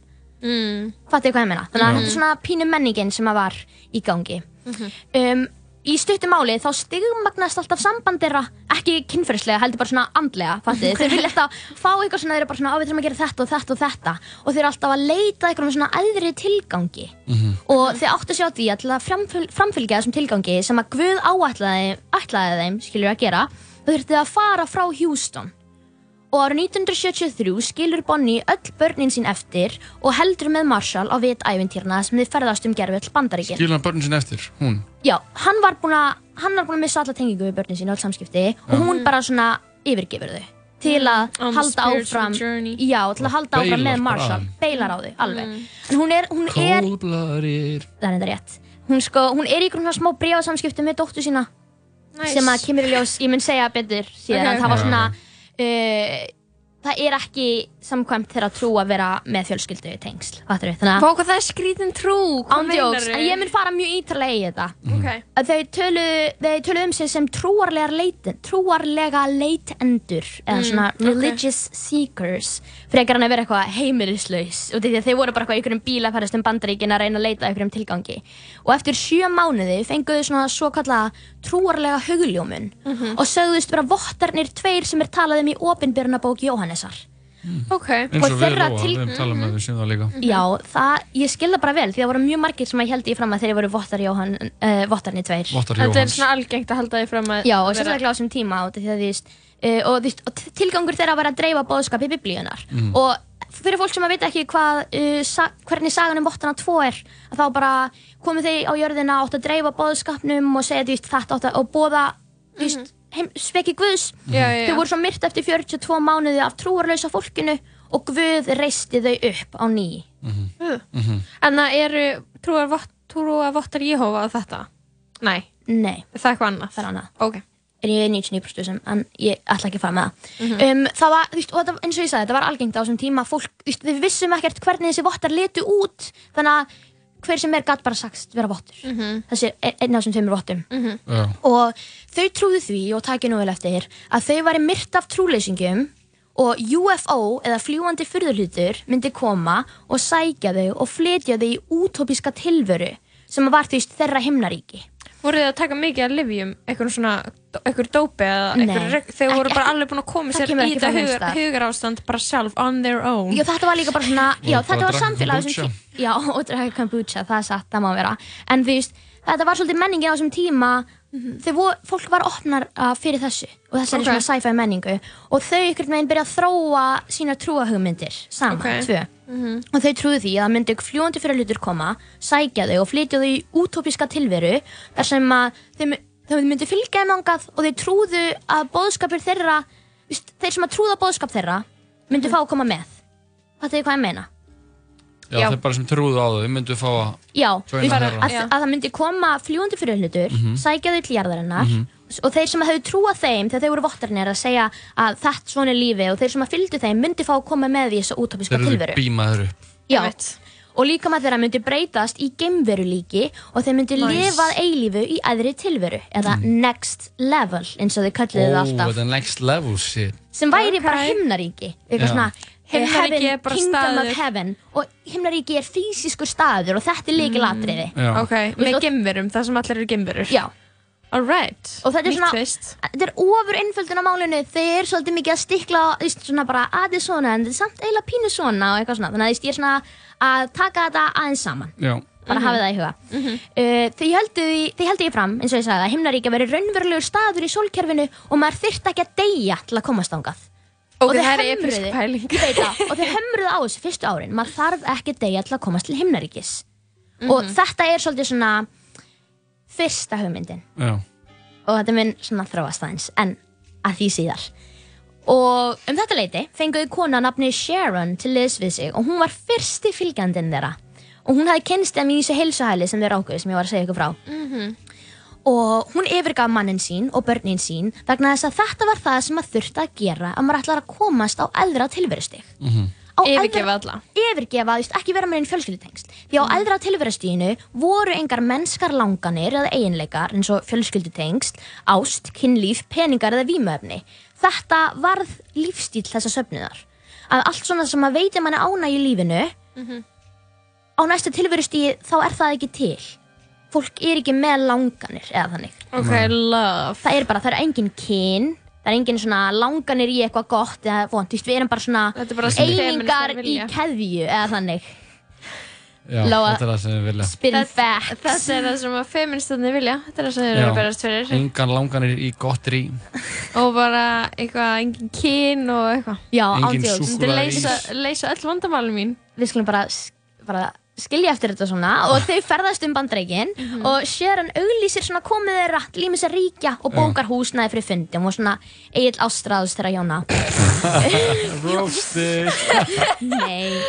Uh, Fjórum mánuðum setna yfirgefur Sharon söfnuðin söfnuð þess að þryggja einstaklinga þar sem að eiginu maður hennar hefði náð til hennar. Mm -hmm. hún var búin að slíta á tengslinn við hann hann náði til hennar og hún fekk svo mikið samvinskupið þegar það yfirgeði fjölskylduna sína sem að mér finnst bara mjög eðlilegt En er þetta söfnur ef það eru þrýr? Ég er nefnilega var myndið að hugsa þegar ég var að segja það en, þú veist, Já, þetta er manna trúabröð Þannig að við hérna inni núna við erum söfnuður Já, Já. við trúum á... Og tala saman, the, the hið sacred act of orð. tala saman.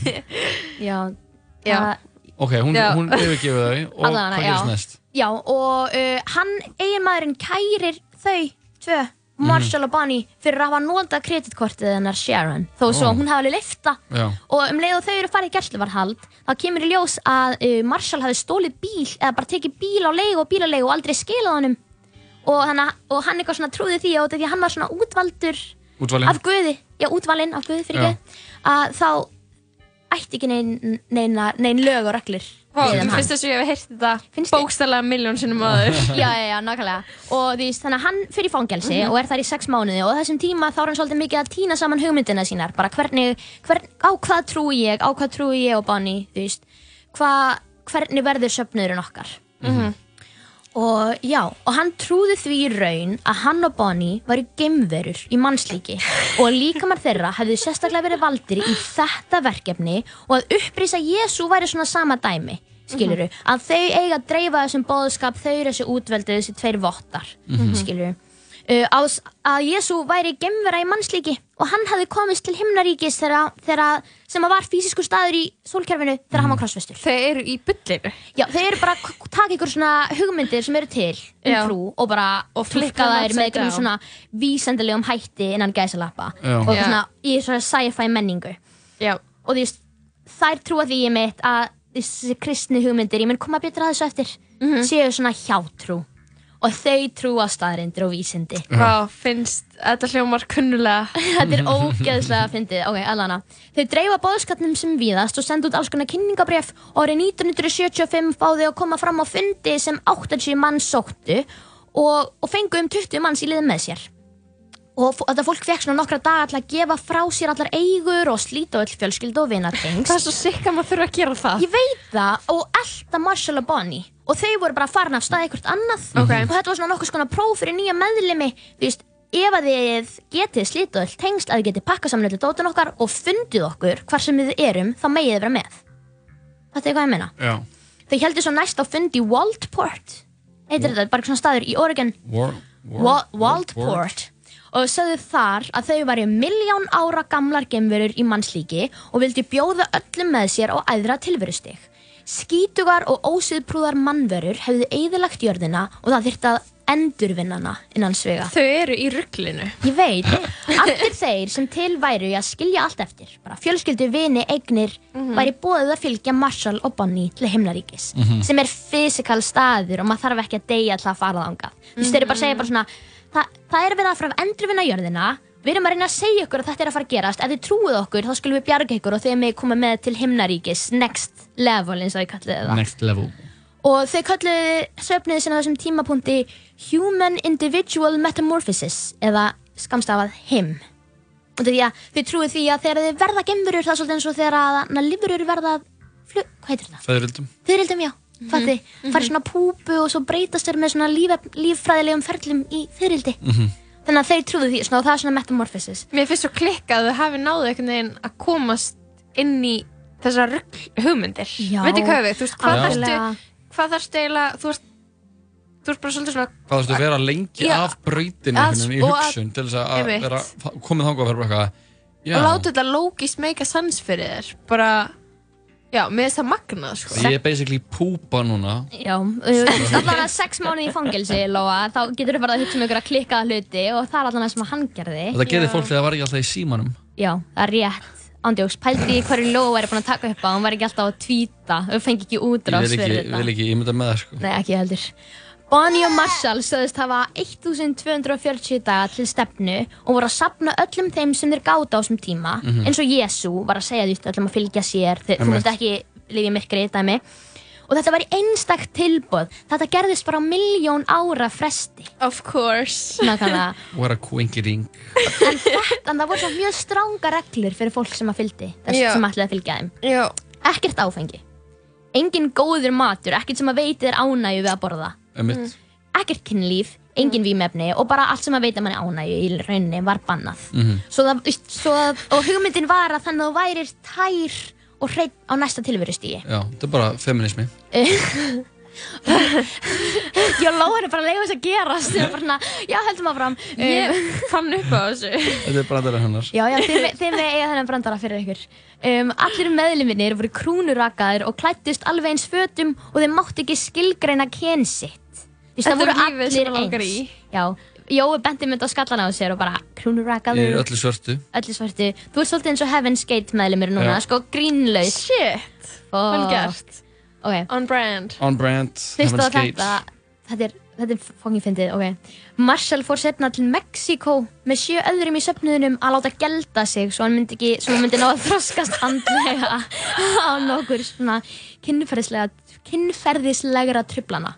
Ok. Þannig að hann myndi, og hann var náttúrulega, hann aðlaði svo mikið að karlmönnum Er hann að var að halda því niður, eða Já, hann var gett mikið að reyna að hemja það. Og hann var hrættur við sjálfan sig, fattur við, þannig að hann var bara, ok, ég ætla að gelda mig. Problem solved. Kongur. Ég tengi. Á þessum Að tíma fór söfnuðurinn í félur vegna mikillar fjölmiðla umfyllunar sem hefði átt sér stað í Oregon um söfnuðun skiljanlega. Það voru bara eitthvað 20 mann sem að slitu öllum tengslum í fjölskylduna sína og voru bara bye, þú veist, þið munið aldrei sjá okkur aftur. I'm í Þannig að þau fóru í félur og þau voru pöruðu tvö og tvö saman eftir kynneigð. Að, og þannig að þú veist, ef að, sem sem svo að ég væri samkynneigð Mhm. og kona, fattur við, Mhm. þá var ég pöruð í par með annari konu. Þannig að við myndum læra að standast freystingar. Já Og, Ok. þannig, og þannig var pörunum hátta, að þú veist, eftir kynneigðinni. Mhm. Uh, á þessum tímapunkti já, en þetta, er- þetta er bara hugmyndafræði og þetta verður, allt, þetta verður verra, ég er að segja ykkur það. Á þessum tímapunkti gekk söfnuðurinn þannig fyrir sig að fólk vaknaði á daginn fundu félaginn sinn í parinu og svona hæ, þú vaknaðir eitthvað, skilur þú veist, fóru til Bonnie og Marshall og fengu aukskýrtinni sitt og bíllikla sem þurftu alltaf að tjekkin þegar þeir fóru að sofa og fóru bara um bandaríkin og voru að reyna að fá flera, fleiri í söfnuðin Ok. Já. Hva, hversu, þú veist, hversu vel gekk það? Þú veist, hvað erum við að tala um þessi komni margir núna? Hvaða ári er? það gekk mjög illa að gera þetta Þú veist, það var ekki það var,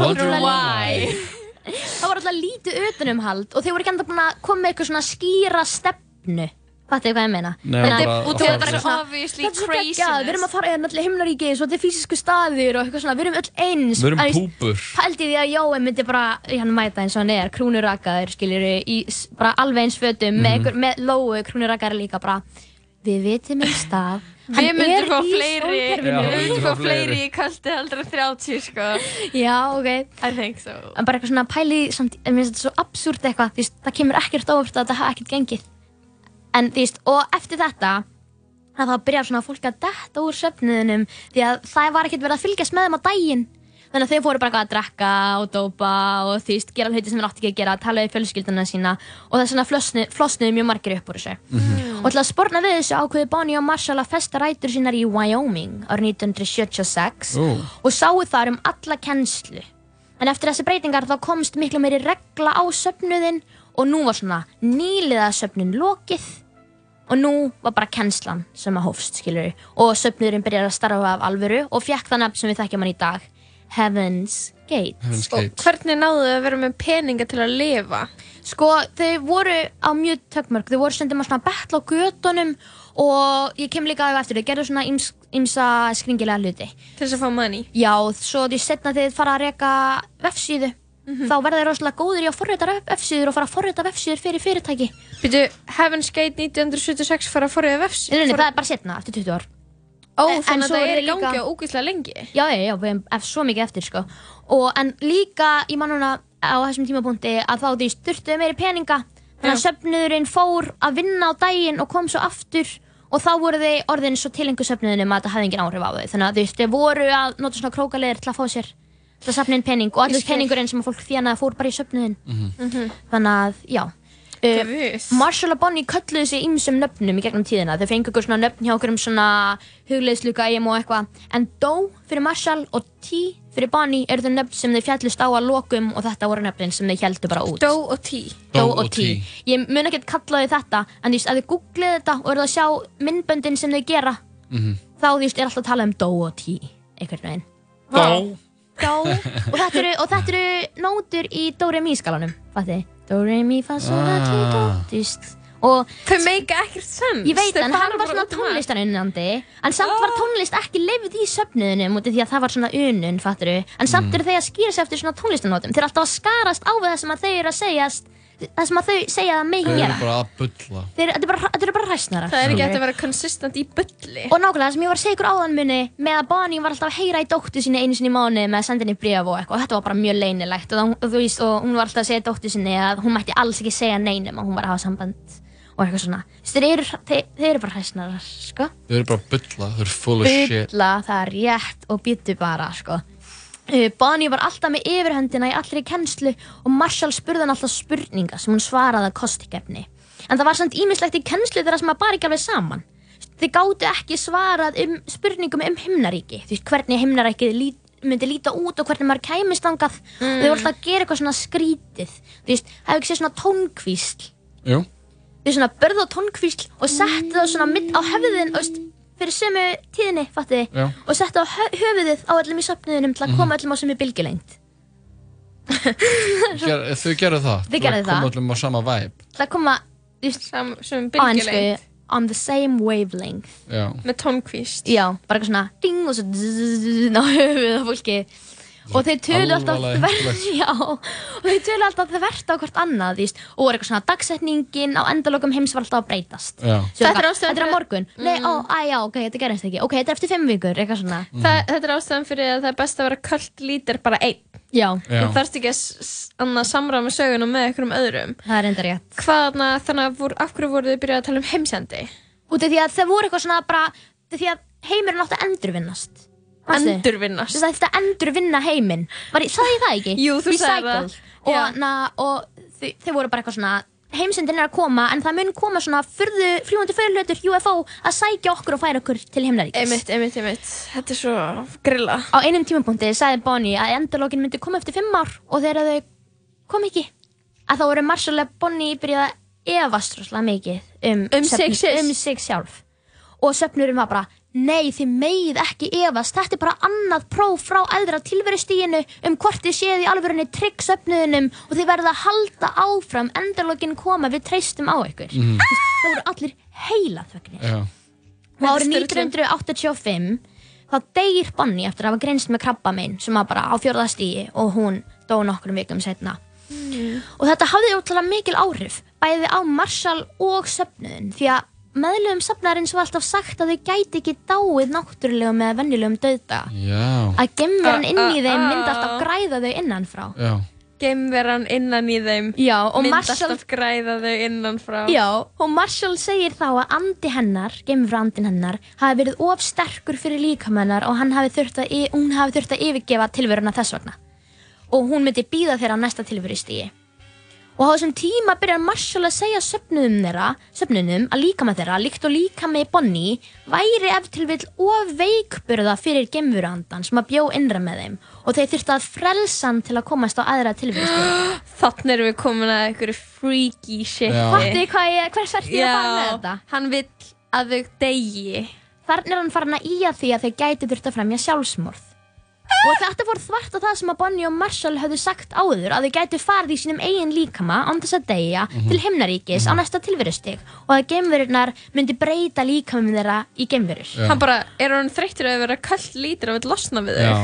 Nei, hann, er alltaf svona að breyta reglunum fatið, og þróa þær með sér og Maður í stöðugri þróun. já, já, já, eins og maður er Maður í alltaf mótun. maður í mótun, maður er alltaf betur um bæta sjálfum, sjálfan sig og söfnuðin sinn sko. Þarna breytast og byrjar svona að melta það hugmynd að þetta gæti verið eina leiðin til að komast á eðra tilverustig. Hlusta á þetta.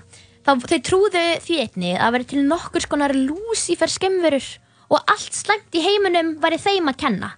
Að raðmörðingjar, stjórnmálamenn þetta var allt svona eins og lizard people. Hafið þið heyrt um það? Já, þetta Já. er bara lizard people. Já, og þetta væri þannig. Og þú veist, öll trúabröð sem að fólk trúði á væru þannig spunnin upp af Lucifer skemmurum sem að vildu ekki að fólk myndi vita af himnaríkinu sem að er í alvörunni til og þessum Já. gemverum sem að vilja þeim gott Einmitt. og að þú veist, þau væru henni einu sönnu og að allir englar sem að fólk hefði segið ekki um tíðina væru raun gemverur og að gemverur byggðu píramítana, Stonehenge og fleira og fleira Þú veist, og þeir sagðu að allt þetta kristna sem að fór gegn þeirra reglum Já.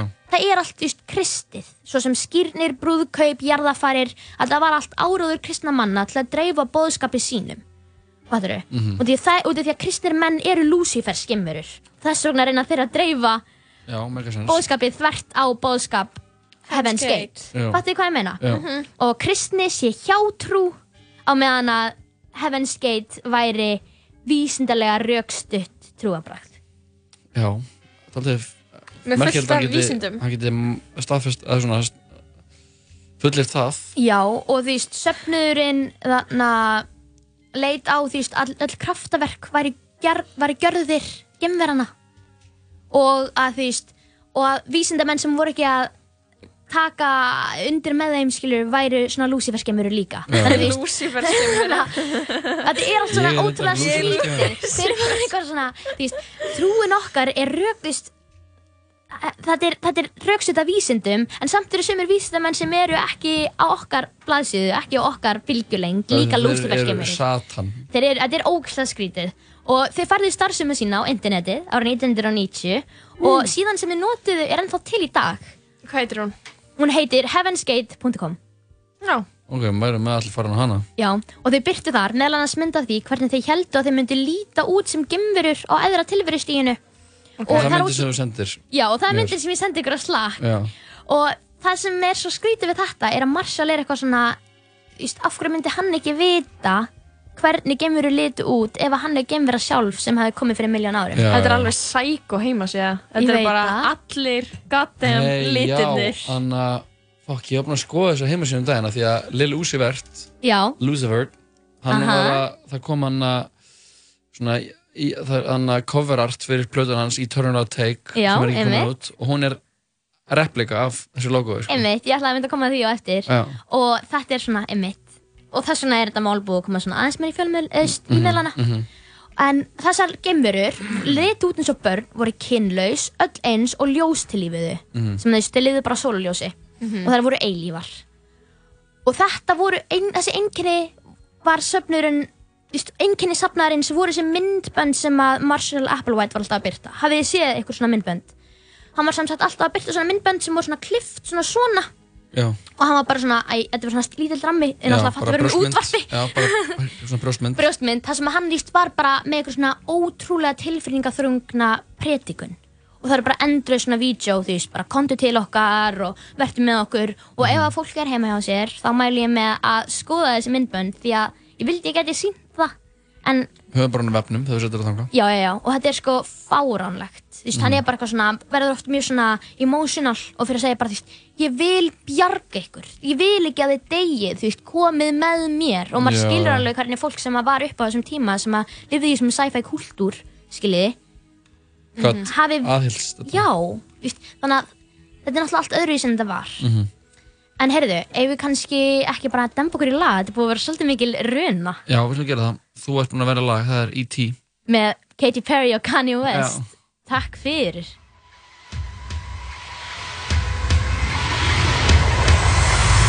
I got a dirty mind, got filthy ways. I'm trying to bathe my aid in your Milky Way. I'm a legend.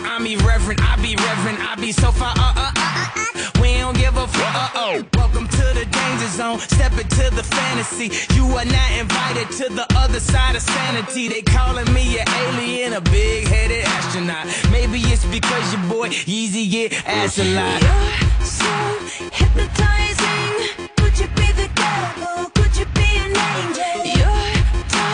Magnetizing.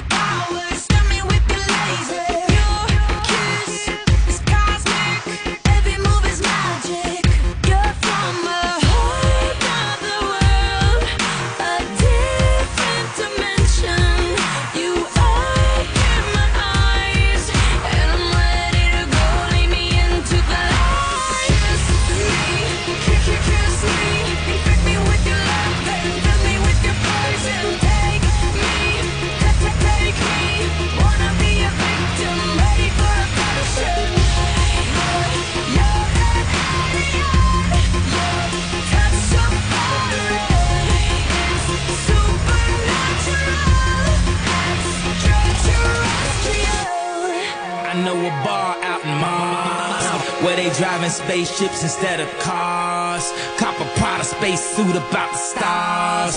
Getting stupid high straight about the jaws. Pockets on Shrek, rockets on deck. Tell me what's next, alien sex. I'ma disrobe you, then I'ma probe you. See, I abducted you, so I tell you what to do. I tell you what to do, what to do, what to do.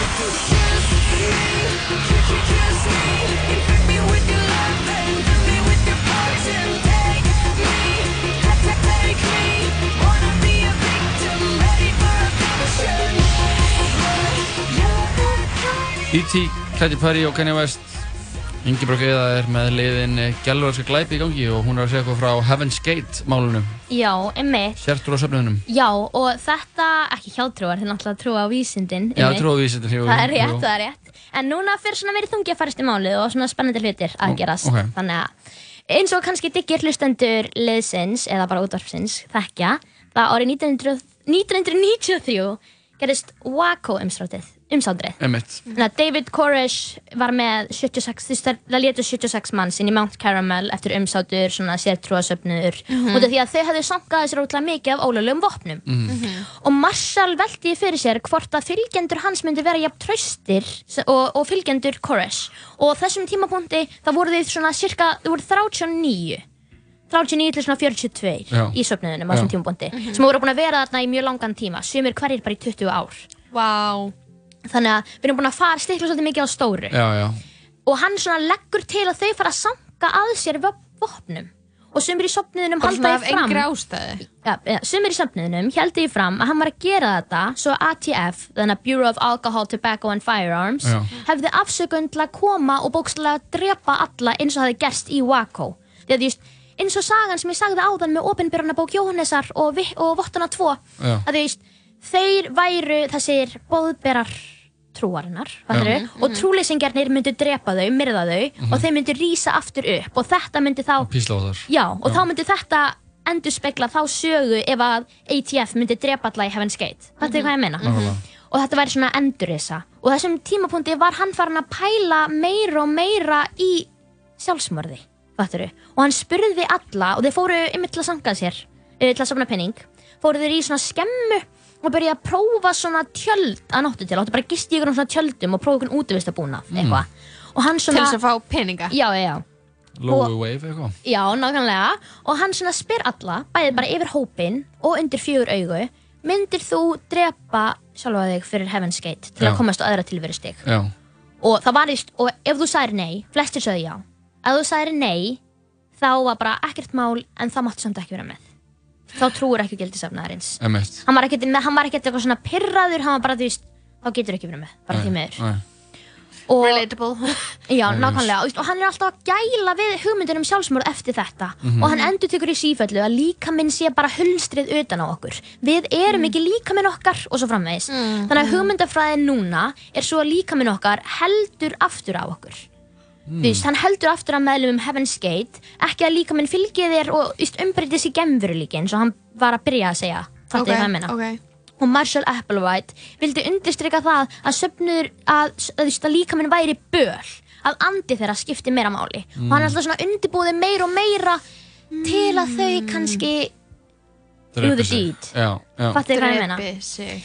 og núna fara hlutinir að gerast fyrir alvöru forget what I said earlier uh, 1993, nei 6 fyrir geði sáu stjörnufræðingarnir Thomas Bopp og Alan Hale risastjóra halastjörnu sem myndi sjást á næturhimnunum í átján mánuði Mhm. og þetta voru ótrúlega uh, merkileg tíðindi þar sem að síðasta halastjörnan sem að sást svona lengi kom á 12. öld og hún sást bara í brot með við þetta, brotatíma ok, með við ok. þetta og þessum tíma kemur fram eitthvað svona mynd af halastjörnu en á henni sást glitti eitthvað sem að eldana innan gæsalappa og fólk varð klikka Já. þau voru bara, þetta er fulljúandi fyrður hlutur sem er að elda þú veist, halastjörnuna sem er að fara að vera hérna geðveikt lengi eitthvað svona, þetta hlýtur að vera eitthvað svona arrival, Já. já, eitthvað svona eitthvað geimverur eitthvað Aha, aha, aha. svo kom einhverjir fram sem hefði tekið myndina og bara, þetta var ekki á myndinni, það hefur ykkur photoshoppað þetta inn á Ah, en skaðin var skeður.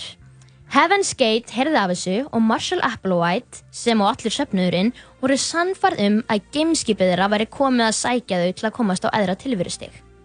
Árið 1996 leiðu þau risastort hús í San Diego í Kaliforníu fyrir allan söfnuðin og borguðu í reyði fjö 7000 dólar á mánuði sem eru svona, hvað, 800.000 Ógæsla mikil finningur og fara að undirbúa brottför sína frá jörðu þau panta svona bætur svona eins og maður setur stundum á svona gallabygsur eða gallajakka sem að stóð á Heaven's Gate Away Team. Og þetta er einhvers konar vittnin í Star Trek. Ég hef aldrei séð myndinar en, þannig, en þetta var eitthvað svona Þættina. Já, þættina fyrir ekki, um mitt Vist, að þá er þetta einhver svona Away Team er einhver svona deild sem að fyrir að kanna hluti eða eitthvað svona ok. sem að stemmir við þeirra hugmyndum að þau sé að fara til himnaríkis Einmitt. og þau kaupa endalist af svört og fjólublá og 39 pör af Nike skóm alveg eins Nike skóm Ú, hvernig? svona það hétt eitthvað Decade eða eitthvað og þeir hættu sölu eftir Gate.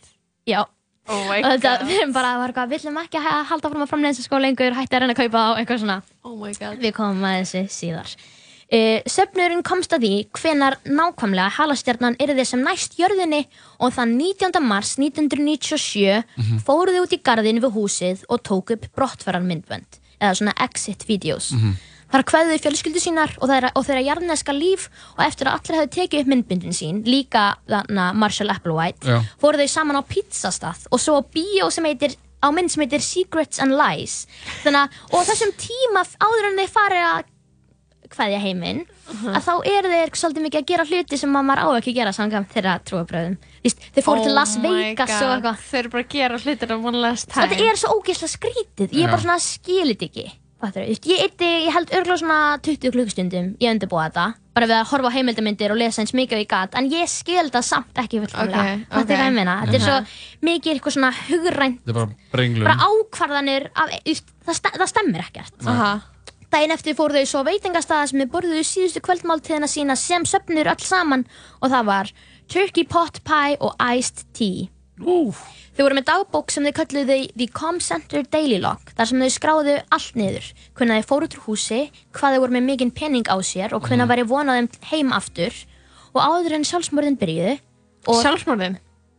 Þann 22. mars skráðu þau svo öll úr bókinni í hinsta sinn.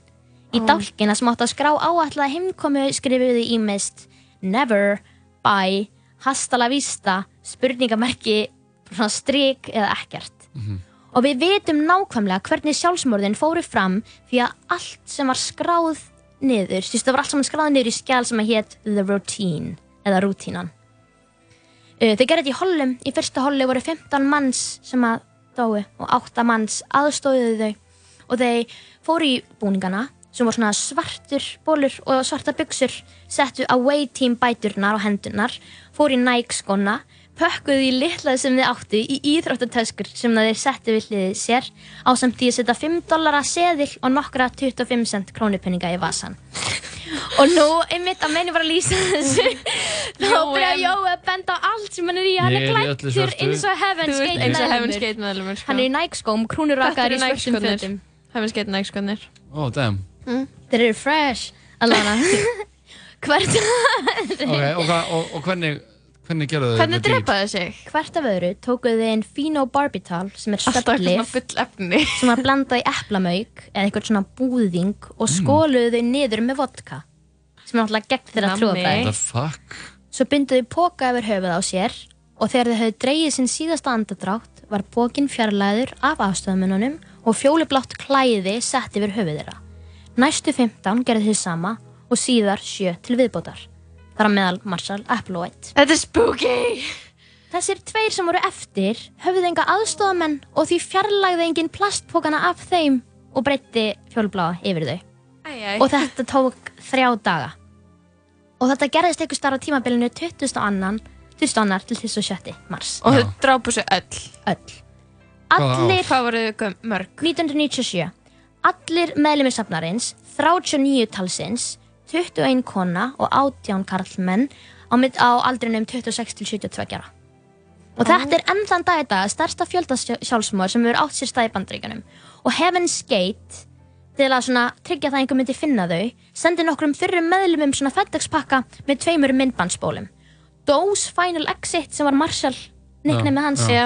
og öll brottfara vídjóin hjá öllum sem voru í sefnuðinu. Hvað er brottfara vídjó? Það er sem ég voru að tala um við þau fóru í um garðinn og tók upp svona kveðvíur fyrir yeah. og, Heiminn. það, og, já, og, bref, og bref með sem að stóð á We have exited our vehicles just as we have entered them og þetta er það sem við vorum alltaf bara að tala um hann líka með sem eitthvað svona hulst Já, já. Fattu ég hvað ég meina? Púpan. Kannski var líka minn hulstur því að þau voru aldrei að gera neitt skemmtilegt og þau voru orðin styrluð og að betla peninga Já. skilur við Já, eða bara þau voru öll heila þau af Púputime. Marshall Applewhite Mhm. um, Einn af þessum fekk hann pakka var Rio D'Angelo Hann fer á staðinn, sér hvað hefur gerst og ringir á laurugluna þann 27. mars árið 1997 Vitað er að að minnskosti þrýr fyrir meðlumur Heaven's Gate frömdu sjálfsmorð síðar meir í þeirri vonum að hitta söfniðin handan móðunar miklu. Wow.